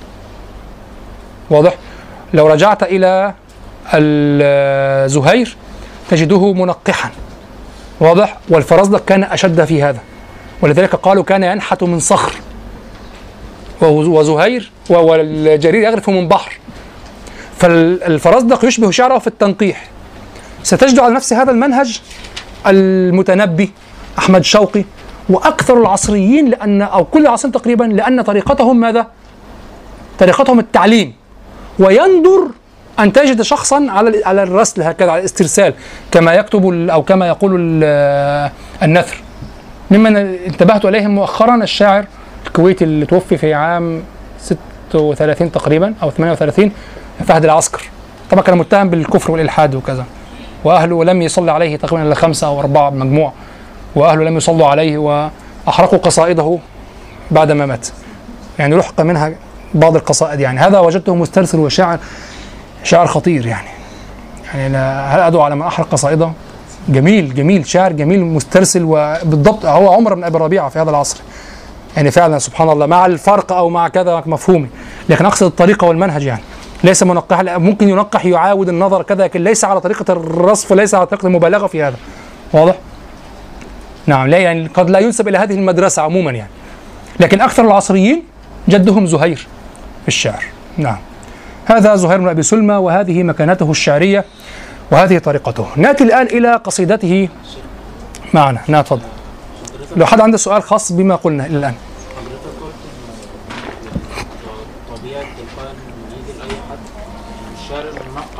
هو الاجود نعم. الأصل. الأصل. الاصل بس أحيانا ممكن يكون التنقيح يحتاج إلى فحولة قوية في الشعر. أحيانا ممكن التنقيح يجي بالسوء. طبعا. في يكون قال مثلا ده افضل لما نقح طبعا طبعا. أخوكم يقول ربما من نق من أراد أن ينقح. طب هو أصلا من؟ يعني ربما أساء في التنقيح. هو أصلا يم تنقيحه ينبني على أنه رأى خللا. الناس يظنون أن كل من ارتجل يخرج الشعر حلو من أول مرة. هذا آه، الشائع. لا قد يكون تكلفك الارتجال سببا في تكلف المرتجل. وأن يكون تنقيحك ارجاعا للنص إلى الطبيعة. وتتخيل الطبيعة والهدوء ومعك الوقت تتخيل ماذا كنت ستقول عند كل كلمة. وترجع الكلام إلى إلى أصله. ولكن هذه العملية أصلا تعود بك في النهاية أيضا إلى نوع من الرصف والتجويد. له ريح له طعم لا يمكن أن يكون استرسالا. واضح؟ فالذي ينقح لابد أن يعود بالتنقيح إلى النص بعد أن يكتشف عيبا. لكن الذي لن ينتبه إلى حلاوة النص وعايز أنقح عشان لازم أنقح لا هو أصلا لن ينقح كل شيء هو ينقح المواضع التي يرى فيها شيء. لكن أن يك... آه يعني تتصور هكذا أصلا أن يقول كلاما جيدا ثم لا يستجوده فيريد أن ينقحه للتنقيح هذا ليس شاعر أصلا. يعني ليس مؤهلا لأن ينقح لأن يقول شعرا أصلا. ولا أتصور أن يكون الشعر الأول جيدا. في سؤال على المطروح؟ تفضل. كيف حالك مولانا؟ إذا أردنا المقارنة بين قصيدة وقصيدة فكانت يعني إحداهما مرتجلة والأخرى منقحة آه. لكن المنقحة تفوق المرتجلة بشيء فهمت السؤال. طيب باختصار هو أخوكم يقول إذا كانت هناك قصيدة وقصيدة واحدة مرتجلة وواحدة منقحة والمرت... والمنقحة تفوق المرتجلة صح؟ بشيء بسيط. بشيء قليل. اولا حينما أنظر في القصائد لا أنظر إلى ما كان مرتجلا وإلى ما كان منقحا. أنظر إلى الصورة الأخيرة للكلام من حيث الدلالة على المعاني. وسهولة الكلام ويسر الكلام. ثم ستكون هناك اختلافات. هذه القصيدة مسترسلة تدل على أن أصلها مرتجل. هذه القصيدة منقحة. هذا لا يؤثر. في الأخير هذه طريقة وهذه طريقة. هذه تناسب أبوابا كالقصص والمغامرة وكذا كما عند عمر بن أبي ربيعة وهذه تناسب أبوابا كما في الحكمة وفي التعليم وفي المدح وكذا وفي الفخر وكذا. واضح؟ لحظة. لا أحكم على العمل نفسه على العمل نفسه من جهة كونه نقح أو لم ينقح. وإنما أحكم على الشاعر. هذا شيء آخر. الحكم على الشعر يا إخوة منفصل عن الحكم على القصيدة. هذه نقطة مهمة جدا. الحكم على الشاعر ليس هو الحكم على القصيدة. الحكم على القصيدة من حيث هي. الحكم على الشاعر كيف أتيت؟ ولهذا معروف أن أن أبا نواس في طبقته في العباسيين لا يوازيه أحد. ولكن هناك طائفة من النقاد بعض النقاد قالوا يوضع بجواره في الشاعرية أو في الشعر آسف. يوضع جواري بجواره في الشعر من؟ مسلم بن الوليد صلاح الغواني. وإنما هم يرون هكذا يقول يقول إنما نحن نرى أنهم أفردوا أبا نواس وأخروا مسلم مع اتفاق جودة الشعر لأن مسلم يقول تصنيعا هو يسمى زهير المولدين. مسلم بن الغواني يسمى بزهير المولدين. يقول تنقيحا. وأبو نواس يرتجل مطبوع. يعني قصائد هو يقول الصورة يعني الساذجة الواضحة المباشرة. يقولون القصائد متفقة في المستوى. يعني يا من تدر يا من أردت أبا نواس لأجل جودة القصائد مسلم بنفس الجودة. وإنما هم أخروا آه مسلم عن أبي نواس لأن مسلما تعب حتى يوصل القصيدة إلى هذا الشكل هذا المستوى. أبو نواس أتى بها ابتداء. واضح؟ وفي الأخير سيظهر الفرق بين القصائد. لكن الجودة والدلالة على المعاني في الأخير واحدة. متى يظهر الفرق بين المرتجل والمتكلف بمعنى التنقيح يعني المتكلف المذموم بمعنى المنقح؟ عندما نريد أن نحكم على الشاعر. هذا يد هذا الشاعر يدرك ذلك الشاعر بالتعب بالتنقيح. أنا قلت القصيدة في ليلة أنت استغرقت شهرا استغرقت عاما حتى توصلها إلى قصيدتي. فانت أوصلتها. فصارت القصيدة على مستوى واحد. لكن أنت متأخر عني في القدرة والقريحة. أنت تعبت على العمل. واضح؟ طيب في سؤال؟ حسان مثال رضي الله عنه. تصنيفه إيه في الشعراء؟ فحل فحل كبير. طبعا. ومن رؤوس ومن رؤوس المخضرمين طبعا. هو وكعب بن زهير. طبعا يعني مضمون في الطبقه بتاعت الاسلاميين آه هو يعد في المخضرمين هي طبقة وسطى يعد في المخضرمين. لكن إذا قسمت إلى جاهليين وإلى آه إسلاميين فلا بد أن تصنع حسانين ستين في الجاهلية. هو قبل الإسلامي؟ أن تصنع آه تصنع حسانين حسان الجاهلي وحسان الإسلامي لأن الشعر لأن حسان الشاعر الجاهلي يختلف عن حسان الشاعر الإسلامي. وهذا نبه على هذا الأصمعي رحمه الله. قال قال الشعر كله كلمة يقول الشعر كله بابه, بابه النكد والشر. ألا ترى إلى حسان بن ثابت كيف بعدما دخل في الإسلام لأن شعره لما دخل الإسلام لماذا؟ خلاص أنت القوة القريحية التي عند الجاهلية أن يقول حسبما ورد إلى أو تفتق في صدره وفي قلبه راحت عليه رقيب. ولذلك الشيخ أورد هذا الأثر وعلق عليه استخرج منه فائدة. الدكتور عبد الرحمن بن علوي السقاف في كتابه العود الهندي في المجلد لا أذكر المجلد ربما الثاني. لا أذكر يعني. المهم قال وهذا هو سر ضعف شعر الصحابة أنهم يجعلون الله رقيبا على السنتهم فلا يتكلمون بما اتفق. وحسان بن ثابت لما أطلقه عليه على النبي صلى الله عليه وسلم على قريش أخذ عادي سيتعرض للأعراض. فرأى الكراهة في وجه النبي صلى الله عليه وسلم لأن العرض واحد هنا. قريش واضح العرض واحد. معلش يا الكفار يا عم. العرض واحد فيقول وجد الكراهه في وجه النبي صلى الله عليه وسلم فصار يمسك لسانه عن الأعراض. والعرض أول ما يتناول في الهجاء. واضح؟ العرض على طول ويكذب وعادي في العرض يقبل خاصة الإسلاميين. الهجاء عند الجاهلين قليل بالمناسبة. الهجاء عند الجاهلين قليل أيضا.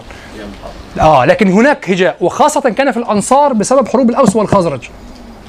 وحسان كان منطلقا في شعره. يعني كان رضي الله عنه يعني في حسان الجاهلي كان قبيحا في شعره كان منطلقا على الأعراض وكذا وكذا وبقيت فيه جاهلية كما تكلم في يرضي عائشة رضي الله عنها وكذا وحد فيها يعني حديثه الإفك واضح؟ فهو شاعر وظيفته شاعر هو بوق لقومه هو معتاد على هذا. فشعره في الجاهلية كان عنيفا قويا.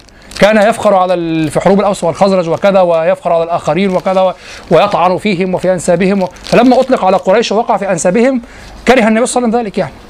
لأنه نفس النسب. واضح. فهاجهم بغير ذلك. وقال عليك ب آه، عليك بأبي بكر فإنه يعرف مثالبهم يعرف ما يطالهم وقال أهجهم فإنه أشد عليهم من وقع النبل. عشان بي عندهم دم. بيحسوا يعني. أهجهم فإنه أشد عليهم من وقع النبل. يعني إذا رشقتهم بالنبل بالسهام ترشق فيهم هذا الشعر شوف أشد عليهم من وقع النبل. يعني يضرب بالنبل ولا تهجوه. فإن الشعر ليس له مرد إذا ورد المياه به التجار والجاهلون كانوا يقولون ال- الناس الناس أحاديث. كان أبو حاتم الطائي وحاتم الطائي وعروة بن الورد الأسدي ال- ال- العبسي كانت يعني كانت كانت الزوجات آه، يلومن الأزواج في يعني في إنفاقه وكذا ربما كان ترك بيته فقيرا ولكنه يعطي وكذا. فيقولون الناس أحاديث. يعني يتعلم لم يكن هناك إسلام وعمل عند الله وكذا. الناس أحاديث يبقى يبقى الذكر ويبقى نسلي ابناء فلان. والعرب يحفظون هذا- الاشياء يحفظونها ويجازون عليها المستقبل. فيقول الناس أحاديث. أنت جس أنت لست لست مجرد هذا الجسد الذي جاء و... وأكل وشرب ثم فني في سنوات قليلة. أنت جئت لتبقى. كيف تبقى؟ تبقى بعلم، تبقى بسيره، تبقى بكذا، بكرم، بخلق، فالعرب كانوا يبقون بانتصاراتهم، بأخلاقهم، بتحملهم ال- ال- الديات كما يأتي هنا، بتحملهم آه، الفقراء، نحن كما قال طرفة بن العبد، نحن في المشتات ندعو الجفل لا درى الداعي فينا ينتقر، لا ينتقي أحدا. واضح؟ كان يعني من يريد أن يصنع لنفسه حسبا يعني وسيرة وذكرا يأتي في الصحراء هكذا في في الشتاء حيث تموت البهائم وكذا وحيث لا مرعى وكذا وينحر للناس ويأتي الناس يأكلون من الفقراء والقبائل الأخرى وكذا. ويحسب له ذلك. واضح؟ الأخطر يشبههم نعم. الأخطر الأخطر يشبه من من الجاهلية؟ النابغه نعم النابغه شبهه بالنابغه تفضل هناك طريقة يميز بها المرتجل من المنقح الشعور. اخوكم يقول هل من طريقة يميز بها المرتجل من المنقح؟ طبعا ينبغي ان أن نقول المنقح الجيد. والا هناك منقح يصل إلى حد التكلف بالغلو والصناعة. من هذه الطرق ال- أن تجد التكلف في البديع. التكلف في البديع. يعني آه، أن ترى مثلا من البديع الجناس. أن ترى مراعاة الأصوات في الداخل. يعني مثلا الشاعر بدر الدريع. له القصيدة التي هجا بها آه التي مدح بها طبعا أولا. هو طبعا قصيدة في عدة أبواب. في هجاء من قتل المصلين في مسجد الحاكة آه هناك شخص دخل يعني وكبر وقتل المصلين ومشيعة يعني. وهي في الأصل رثاء للقتلى. واضح؟ ثم يمدح بها ملك الكويت الصباح لأنه يعني استدرك الفتنة وفعل كذا وكذا. واضح هي قصيدة طويلة في 58 بيتا. آه يقول فيها آه ماذا؟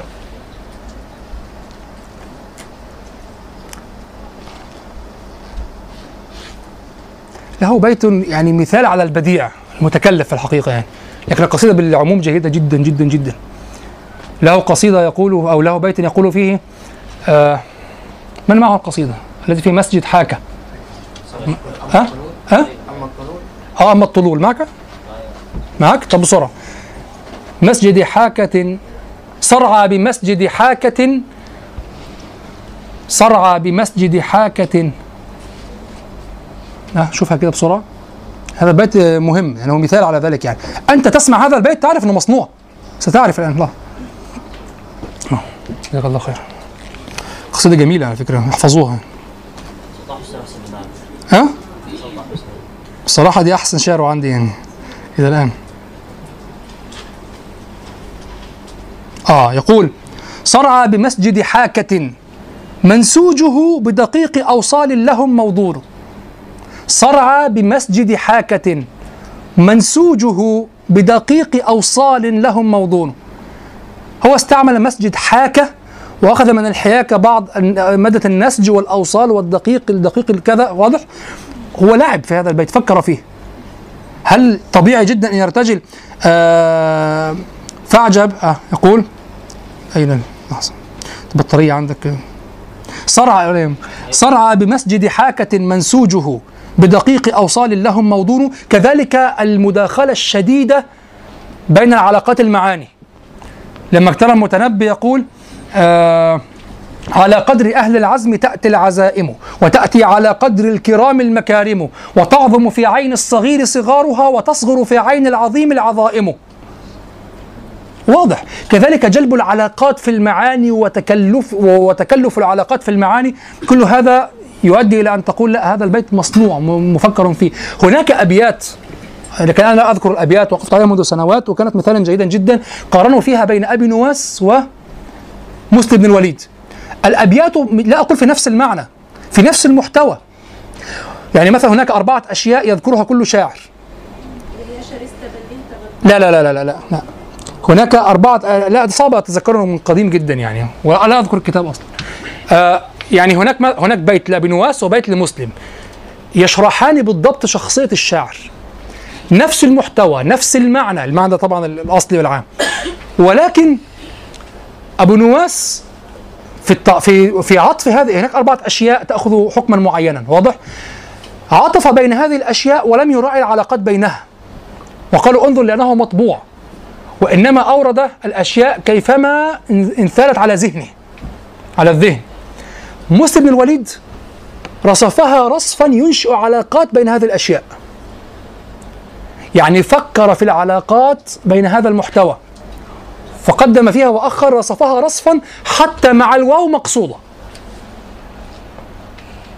ومن هنا أنت أخذت من من في قوله تعالى إذا قمتم إلى الصلاة فاغسلوا وجوهكم وأيديكم وأرجلكم بوجوهكم وأرجلكم وأرجلكم إلى الكعبين. وأضفت وعطفت بالواو. وأعطيتها حكما إعرابيا يتعلق بما قبله.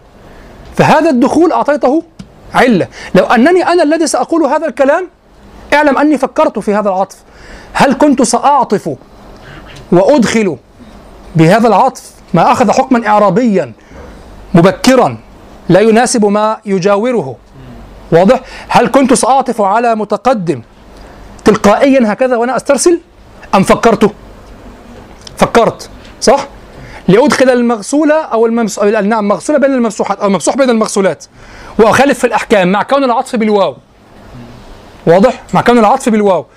لو أنا الذي سأصيغ هذه العبارة أو هذه الآية أو مثل هذه الآية في كتب الفقه اعلم أنني فكرت قليلا قبل أن أصوغ وإلا فلو أنا سأصيغ هذه العبارة هكذا سأراعي ما اتفقوا في الأحكام.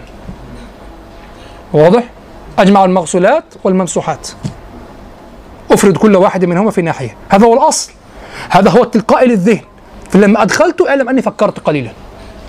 واضح؟ ومع الوقت أنا لم أهتم أن أحصر الطرق التي تعرف بها هذا من ذاك أنا أعرفه أعرفه طبعا. لكن لم أهتم أن أعرف الطرق. من هذه الطرق المداخلة من هذه الطرق آه، كثرة أن يأتي ال- البيت مداخلا خلاف الطبيعي وخلاف ما أتوقع أن يأتي في ذهن الشاعر نفسه. أعلم أنه يلاعب النحاة أو يستعرض كذا أو ما كان يستطيع أن يأتي بالشكل التلقائي للكلام مع هذه القافية. فظل يقدم ويؤخر لأنه معه عدد محدود من الكلمات توافق المعنى الذي عنده فمساحته محدودة. فظل يقدم ويؤخر ويكتشف البدائل حتى يضع كلمة للقافية ويصح بها المعنى. لكن المشكلة هنا ماذا يقع؟ تقل جودة البيت. كلما ابتعد عن التلقائية. اشبه بالمنظومات الشعرية لما بيجيبوا الكلمة عشان بالضبط عشان تحفظ في الآخر بس. لكن طبعا دي مبالغ فيها. لكن لكن لكن هذه الصورة كلما صنعت وقدمت وأخرت على حساب المعنى كلما قلت جودة الشعر. ولذلك قلت لكم العم صباحا؟ أعتبرها اعجازا يعني بالمعنى المحدود يعني. أعتبرها اعجازا. لماذا؟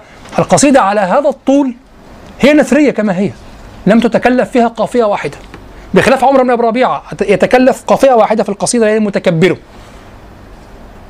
فقالت وقد لانت وأفرخ روعها كلاك بحفظ ربك المتكبر. ما علاقة المتكبر في هذا السياق بالحفظ والدعاء؟ إلا أن القافية على الراء. الزلة الوحيدة لعمر هنا. الزلة الوحيدة أمر القيس عندي لم يزل في ولا قافية ولا قافية لم يزل في قافية كان لذلك أنا أقول يعني خلق له الكلام. زهير أيضا في هذه القصيدة لم يذل عندي في قافية واحدة. ولكنه كان يفكر في قصائده. ويتريث فيها وينقح. فربما زل فيما أنشده أول مرة.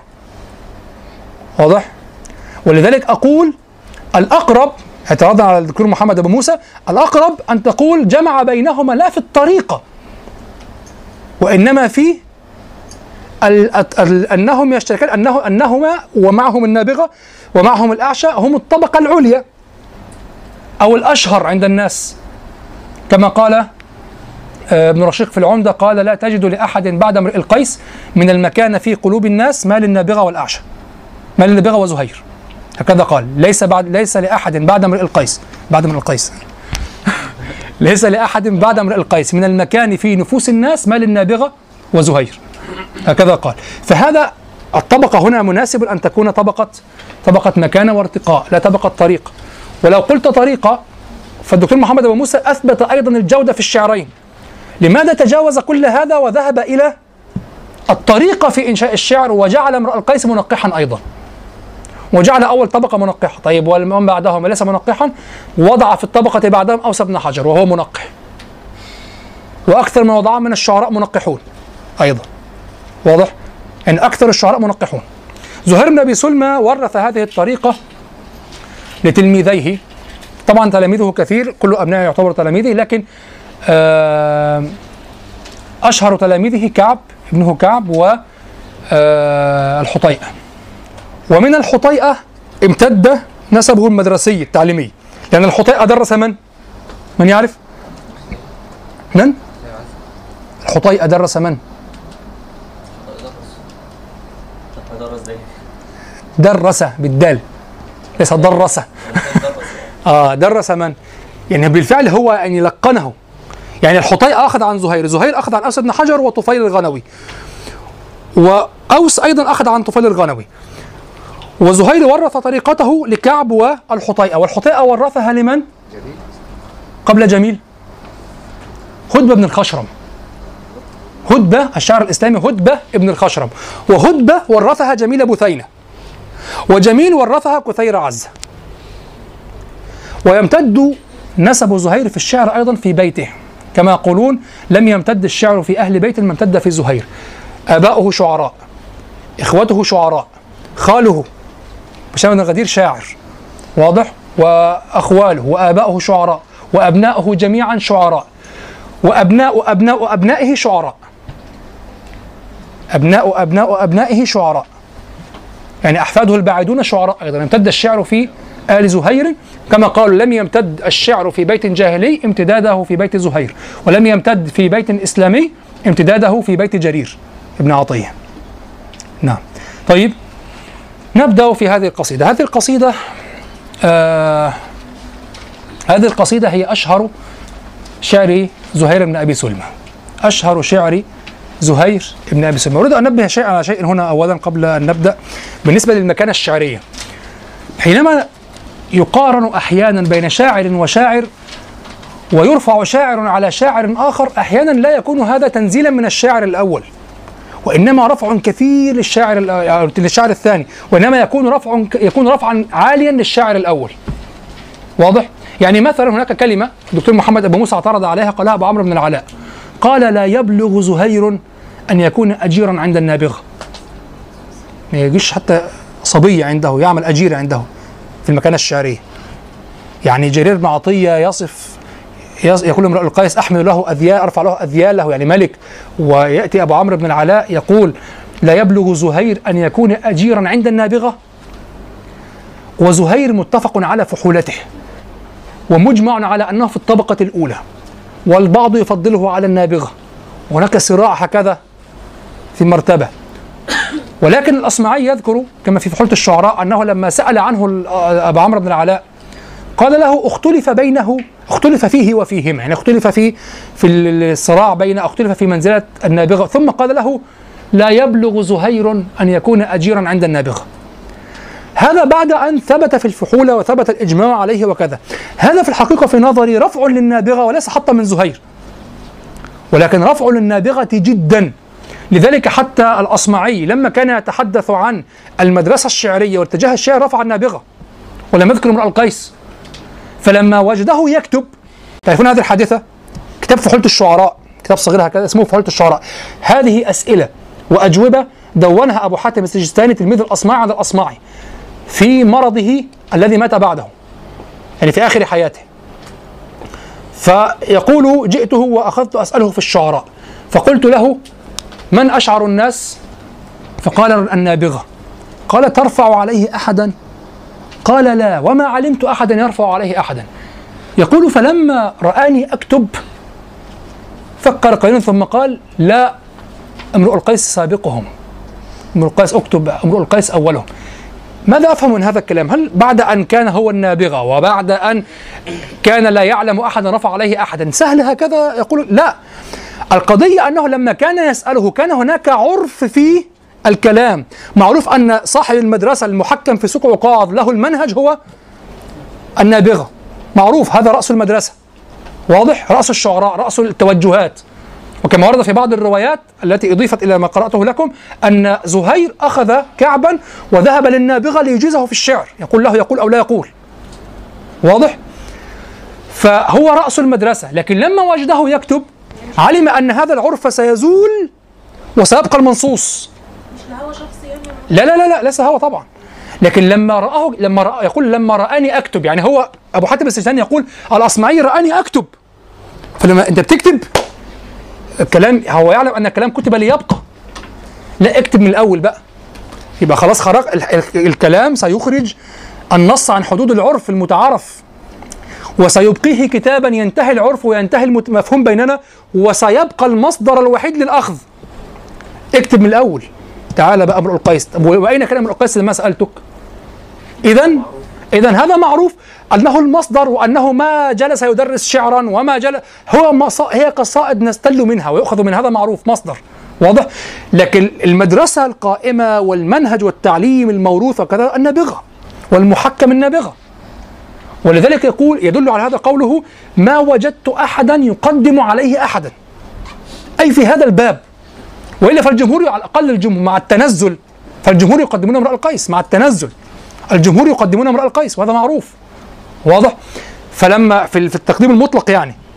فقل فلما رآني أكتب قال بل أولهم امرؤ القيس له الحظوة والسبق وكلهم أخذوا من شعره أو من طريقته واتبعوا مذاهبه فقضية أبو عمرو بن العلاء لما قال آه، لما قال لا يبلغ زهير أن يكون أجيرا عند النابغة واضح؟ هذا رفع شديد للنابغة حتى أنه بإزالة المصدر أو بعدم الحديث عن المصدر الذي هو امرؤ القيس النابغة الأستاذ. فقال لا يبلغ زهير أن يكون كذلك. رفعه. واضح؟ طيب الدكتور أنا كنت عندي شعور قديم آه بأن امرؤ القيس كربلاط كان تعصبا يعني لكن امرؤ القيس لا يتدرج مع هؤلاء. يعني هناك مسافة كبيرة بينه وبينه حتى نقل لي الدكتور موجود على صفحته على ال- ال- الفيسبوك الدكتور عبد القدوس القضاة هو من الأصدقاء عندي يعني. يقول لا وجدته مرة يقول آه كنا في مجالس أبي من علماء الأردن الكبار شيخ القضاة فيقول كنا في مجال مجلس الأدبي وكذا. وقال لهم وهو يتكلم عن طبقات الشعراء وما كانت قال الطبقات العشر بعد امرئ القيس محجوبة. هناك طبقات محجوبة غامضة بعده فارغة يعني لا نعرف فيها أحدا ثم يبدأ أول واحد بعده النابغة مثلا لو كل ما تريد أن تقوله واضح؟ بعد ذلك تتقارب الطبقات.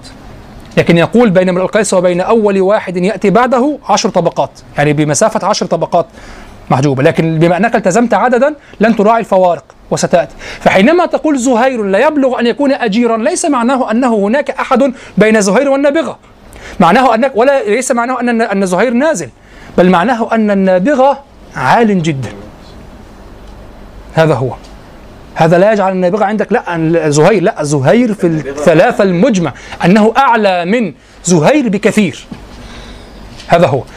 وهذا كان يمكن أن يجاب به عن كلام أبي عمرو بن العلاء لأن الدكتور أبو موسى قال هذا عدم إنصاف لزهير وتجنن على زهير من أبي عمرو بن العلاء وكذا. أبو عمرو بن العلاء ليس بينه وبين زهير شيء. واضح؟ بل كان منصفا جدا. حتى أنه آه، كان يص... أبو عمرو بن العلاء المقرئ صاحب القراءة العشر المت... من القراءات العشر المتواترة صاحب القراءة الراوي ال- اللغوي الكبير المتنسك. تعرفون من كان شاعره الأول؟ الذي يبهر به من يعرف؟ لا أخطر. لا أخطر. النصراني صاحب الخمريات. وكان يعيب شعر من؟ مع كونه يحب سماعه لما فيه من المعاني الحسنة والدينية وكذا والخلق لبيد بن ربيعة الصحابي. لذلك كان أحيانا يعني يتورع أن ينفي عنه الدرجه الشعرية حينما يسأل عنه وكذا فحين يسأل عنه يقول كان رجلا صالحا. هل فاح هو فاح؟ كان رجلا صالحا. خلاص افهم. يعني لا يرى وكان يقول شعره كأنه آه، رحى بذر. وكذلك الأصمعي يقول شعره كطي- كطيلسان طبري. قوي النسج وليست فيه حلاوة. يعني الشعر قوي النسج ولكن ليست فيه حلاوة ليست فيه انسيابية. الشعر صخري قوي. شعر لبيد كذلك يقول. ربما لا تكون المعلقة كذلك لأنه وأيضا أنا لم أتحرى هذا المعنى في شعري لأن ما و... يعني ما لقيته في شعري إلى الآن هو شعر له حلاوة يعني فعلا يعني. لكن ربما طبعا لا اتسرع في الكلام. الأصمعي وأبو عمرو آه، رأوا شيئا لم اراه يعني. نعم. طيب هذه القصيدة التي معنا آه المعلقة هي أشهر شعر زهير بن أبي سلمى له قصائد أخرى مدحية عالية جدا منها هذه الكافية آه، ومنها لامية ومنها قافية التي وصف فيها آه، قافية مفتوحة التي وصف فيها الضفدع تخاف الغم والغرق واعترض عليها العصريون بأن أو بعض القدماء بأن ال- ال- الضفدع لا يغرق. واضح؟ أنه كيف يخاف الغم والغرق؟ يعني يقول لك الماء هكذا فتتقافز الضفادع تخاف الغم والغرق. الضفدع لا يغرق وكذا. واخذ عليه طبعا هذا نقد يعني سطحي إلى حد كبير. وإذا شرحت هذه القصيدة إن شاء الله أوضح ذلك. المهم هذه القصيدة آه، لها سبب نقرأه معا. نعم. هذا ديوان زهير بشرح ثعلب. لكن أنتم اعتمدوا على الذي بشرح آه، أعلم الشنتمري. وحققه الدكتور فخر الدين قبا وسيصورون في الخارج إن شاء الله وكان ورد بن حابس هكذا يرويه ثعلب يروي القصة وأوردها أيضا آه، أوردها أيضا ابن الأنباري ونقلها عن ثعلب في آه، في شرحه على المعلقات السبع الطوال أو القصائد السبع الطوال وكان ورد بن حابس العبسي قتل هرم بن ضمضم المري الذي يقول له طبعا حينما نتكلم هنا عن الأحلاف. الأحلاف يعني غطفان يعني قوم زهير الذين هو فيهم الاحلاف وغطفان ومنهم ذبيان. واضح؟ يقابلهم من؟ عبس الذين منهم عنترة. تذكرون البيت الذي يقول فيه عنترة؟ ولقد خشيت بأن آه، بأن أموت ولم تدر للح... في آخر القصيدة آخر المعلق. ولقد خشيت بأن أموت ولم تدر للحرب دائرة على ابني ضمضم. منهم حسين بن ضمضم واحد من الاثنين الذي في هذه القصيدة. يقول وكان ورد بن حابس العبسي قتل هرم بن ضمضم المري. واضح؟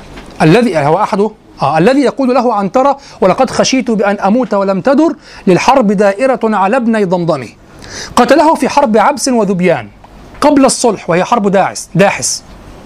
ثم اصطلح الناس. هذا الصلح هو الصلح الكبير الذي سيذكره زهير في هذه القصيدة وأنهم تحملوا الآلاف من ال- الإبل وكذا يدفعونها على أعوام وكذا تحملها هرم بن سنان وحارث بن عوف. واضح؟ طيب ثم اصطلح الناس. طيب وبعد هذا الصلح ما الذي جرى؟ ولم يدخل حصين بن ضمضم أخوه الذي هو أخو هرم بن ضمضم. هناك هرمان. هرم بن ضمضم هذا من من من عبس. خلاص؟ وهناك هرم بن سنان من الأحلاف. هذا ممدوح في القصيدة معنا الآخر مذموم. واضح؟ ولم يدخل حصين بن ضمضم أخوه يعني أخو هرم المقتول في الصلح. فحلف لا يغسل رأسه حتى يق طبعا هو الآن ماذا فعل؟ انفصل عن القبيلة. تركهم وكان طوى كشحا على مستكنة فلا هو أبداها ولم يتجمجم. يعني حتى لم يتلعثم في الكلام بما نفهم منه أنه متردد يعني مكين. وحلف فحلف لا يغسل رأسه حتى يقتل ورد بن حابس أو رجلا من بني عبس ثم من بني غالب. يعني لا بد يبحث في القبيلة عن نسب معين يعني يمتد بطبقة أخرى لازم يكون فلان ابن فلان وليس في الأولى فقط أو في الثانية فقط. يقول فحلف لا يغسل رأسه حتى يقتل ورد بن حابس أو رجلا من بني عبس ثم من بني غالب ولم يطلع على ذلك أحدا. وقد حمل الحمالة الديات يعني الحارث بن عوف بن أبي حارثة وهرم بن سنان بن أبي حارثة فأقبل رجل من بني عبس. ثم ثم أحد بني مخزوم حتى نزل بحصين بن ضمضم. فقال من أنت أيها الرجل؟ قال عبسي. قال من أي عبس؟ فلم يزل ينتسب حتى انتهى إلى غالب. حتى انتهى إلى غالب. فقتله حسين خد بالك من شيء. في نقطة هنا الفعل قذرة يعني. هو نزل مع وجود القتال بين القبيلتين الآخر الوارد عليك اعتمد على وجود عهد. أيوه. ونزل ضيفا عندك لأنه يطمئن إلى وجود عهد. لو لم يكن هناك عهد ما فعل. فتقتله؟ واضح. خيانة طبعا واضح فأقبل رجل من بني عبس ثم من أحد بني ثم أحد بني مخزوم حتى نزل بحصان بن ضمضم فقال من أنت أيها الرجل؟ قال عبسي. قال من أي عبس؟ فلم يزل ينتسب حتى انتهى إلى غالب فقتله حسين فبلغ ذلك الحارث بن عوف وهرم بن سنان فاشتد ذلك عليهما. إن واحد منهم يعني فعل هذا. وبلغ بني عبس. فركبوا نحو الحارث. فلما بلغ الحارث ركوب بني ركوب بني عبس علم أنهم اتون وما قد اشتد عليهم من قتل صاحبهم الرجل الذي هو مجهول بالنسبة إلينا. انتسب حتى انتهى إلى ما يريده اخوه هارم بن ضمضم الذي هو حسين بن ضمضم وما قد اشتد عليهم من قتل صاحبهم وإنما أرادت بنو عبس أن يقتلوا الحارث. شوف راجل مجهول لكن سنقتل الحارث. واضح؟ بعث إليهم بمئة من الإبل. معها ابنه. وقال للرسول قل لهم اللبن أحب إليكم أم أنفسكم؟ فقط قل هذه الجملة هم سيفهموا سيفهمون. فأقبل الرسول حتى قال لهم ما قال. فقال لهم ربيع بن زياد إن أخاكم قد أرسل إليكم الإبل أحب إليكم أم ابنه تقتلونه؟ حتى يمنع الحرب. طبعا هو يحرجهم بذلك أصلا. فقالوا بل نأخذ الإبل ونصالح قومنا ويتم الصلح. فتم الصلح. فذلك حين يقول زهير يمدح الحارث بن عوف وهرم بن سنان أمن أم أوفى دمنة لم تكلم بحومانة الدراج فالمتثلم؟ ودار لها بالرقمتين كأنها مراجع وشم في نواشر معصم. بها العين والأرآم يمشين خلفة وأطلاؤها ينهضن من كل مجثم. وقفت بها من بعد عشرين حجة فلأيا عرفت الدار بعد التوهم أثافي سفعا في معرس مرجل ونؤيا كجذم الحوض لم يتثلم. فلما عرفت الدار قلت لربعها ألا عم صباحا أيها الربع واسلمي تبصر خليلي هل ترى من ضعائن تحملن بالعلياء من فوق جرثم علون بأنماط عتاق وكلة وراد حواشيها مشاكهة الدم. وفيهن ملهى للصديق ومنظر أنيق لعين الناظر المتوسم. بكرن بكورا واستحرن بسحرة. فهن لوادي الرس كاليد للفم. جعلنا القنان عن يمين وحزنه ومن بالقنان من محل ومحرم. ظهرن من السوبان ثم جزعنه. على كل قيني قشيب مفأم. كأن فتات العهن في كل منزل نزلن به حب الفنا لم يحطم. فلما وردنا الماء زرقا جمامه وردنا عص وضعنا عصي الحاضر المتخيم. سعى ساعيا غيظ بن مرة بعدما تبزل ما بين العشيرة بالدم فأقسمت بالبيت الذي طاف حوله رجال بنوه من قريش وجرهم يمينا لنعم السيدان وجدتما على كل حال من سحيل ومبرم. تداركتما عبسا وذبيان بعدما تفانوا ودقوا بيدهم عطر منشم. وقد قلتما إن ندرك السلم واسعا بمال ومعروف من الأمر نسلم. فأصبح يجري فأصبحتما منها على خير موطن بعيدين فيها من عقوق ومأثم. عظيمين في عليا معد وغيرها ومن يستبح كنزا من المجد يعظم فأصبح يجري فيهم من تلادكم مغانم شتى من إفال المزنم تعفى الكلوم بالمئين فأصبحت ينجمها من ليس فيها بمجرم ينجمها قوم لقوم غرامة ولم يهاريقوا بينهم ملء محجم. فمن مبلغ الأحلاف عني رسالة؟ وذبيانه هل أقسمتم كل مقسم؟ فلا تكتمن الله ما في نفوسكم ليخفى. ومهما يكتم الله يعلم يؤخر فيوضع في كتاب فيدخر ليوم الحساب أو يعجل فينقم. وما الحرب إلا ما علمتم وذقتموه وما هو عنها بالحديث المرجم. متى تبعثوها تبعثوها ذميمة وتضر إذا ضريتموها فتضرمي. فتعركم عرك الرحى بثثالها وتلقح كشافا ثم تحمل فتتئمي فتنتج لكم غلمان أشأم كلهم كأحمر عاد ثم ترضع فتفطمي. فتغلل لكم ما لا تغل لأهلها قرى بالعراق من قفيز ودرهم. لعمري لنعم الحي جر عليهم بما لا يواتيهم حسين بن ضمضم. وكان طوى كشحا على مستكنة فلا هو أبداها ولم يتجمجم وقال سأقضي حاجتي ثم أتقي عدوي بألف من ورائي ملجمي. فشد ولم تفزع بيوت كثيرة. لدى حيث ألقت رحلها أم قشعم لدى أسد شاك السلاح مقذف. له لبد أظفاره لم تقلم جريء متى يظلم يعاقب بظلمه سريعا وإلا يبدى بالظلم يظلم رعوا ما رعوا رعوا ما رعوا من ظمئهم ثم أوردوا غمارا تسيل بالرماح وبالدم. فقضوا منايا بينهم ثم أصدروا إلى كلأ مستوبل متوخم. فكلا أراهم. أص... ها؟ لعمرك ما جرت عليهم رماحهم. دم ابن نهيك أو قتيل المثلم. ولا شاركوا في القوم في دم نوفل. ولا وهب منهم ولا ابن المحزم. فكلا أراهم أصبحوا يعقلونهم. علالة ألف بعد ألف مسطم تساق إلى قوم لقوم غرامة صحيحات مال طالعات بمخرم لحي حلال يعصم الناس أمرهم إذا طلعت إحدى الليالي بمعظم كرام فلا ذو الوتر يدرك وتره لديهم ولا الجاني عليهم بمسلم. سيمت تكاليف الحياة ومن يعش ثمانين حولا لا أبا لك يسأمي رأيت المنايا خبط عشواء من تصب تمته ومن تخطئ يعمر فيهرم. وأعلم علم اليوم والأمس قبله ولكنني عن علم ما في غد عمي. ومن لا يصانع في أمور كثيرة يدرس بأنياب ويوطأ بمنسمه ومن يك ذا فضل فيبخل بفضله على قومه يستغنى عنه ويذمم. ومن يجعل المعروف من دون عرضه يفره. ومن لا يتقي الشتم يشتم ومن لا يذد عن حوضه بسلاحه يهدم. ومن لا يظلم الناس يظلم. ومن هاب أسباب المنية يلقاها ولو رام أسباب السماء بسلم. ومن يغترب يحسب ها؟